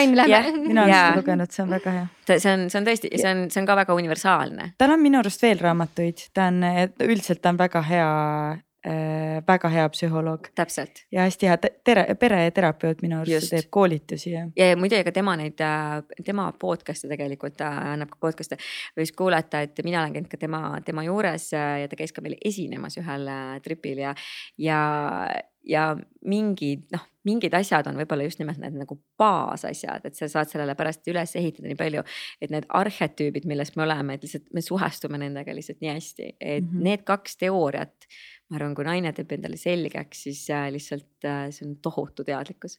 meie viimane soovitus, üks koht, mida igaüks võiks külastada ma väga soovitaksin igaühel külastada omaenda südant ja natuke aega seal veeta ja hoolitseda selle eest. ja, ja kui sa oled selle ära külastanud, siis on sul palju lihtsam ka teiste inimeste südameid külastada ilusti öeldud, kas ma võin selle tsitaadi kuhugi seinale panna meile? ja siis võib, siis võib, siis võib paarile ka see on ka väga okei okay koht. ja võib veel iga, igasuguse reisisihtkoht võtta, aga jah, et, et, et praktil-, praktilises mõttes neid reisisihtkohti on nii palju, aga, aga see on, et see on sama asi, et, et on ju üks inimene nagu, kelle vastu võib-olla ju võiks olla aus ja noh, et see võiks olla sina ise alustuseks. oh, tüdrukud, aitäh teile. nii tore oli. tõesti mega ja ma iga, iga kord, kui, äh, kui me jäime nagu, kui sa jäid pikemalt rääkima, siis, siis ma mõtlesin. vaatasin Kairile niimoodi vaikselt niimoodi piilusin teda, et, et, et, et et mul oleks nii palju asju veel, mida küsida, et, et noh, tõesti sinus on nii palju seda head see, ja positiivset ja inspireerivat. see aeg läks väga kiiresti ma pean mm -hmm. ausalt öeldes tunni, tunnistama. Time flies when you are having fun. ja ei, aga nii ongi, et, et ma olen nagu päris palju ka öelnud, et, et ma, et ma väga palju ikkagi ei, ei tee lihtsalt avalikke esinemisi, sellepärast et, et raske aeg on olnud ja siis noh, see ei ole võib-olla vaata see aeg. aga, aga vaata mingis kohas tunned ära, et ei võiks ja kui Sandra kirjutas, siis ma kohe tundsin, et ei, et siia, sinna ma kindlasti tahan tulla. nii äge suur,, suur-suur aitäh, et sa tulid. aitäh kutsumast aitäh, kuulajad-vaatajad, et olite taas kord meiega ja järgmise korrani. tšau. tšau. Sportland, Be First podcast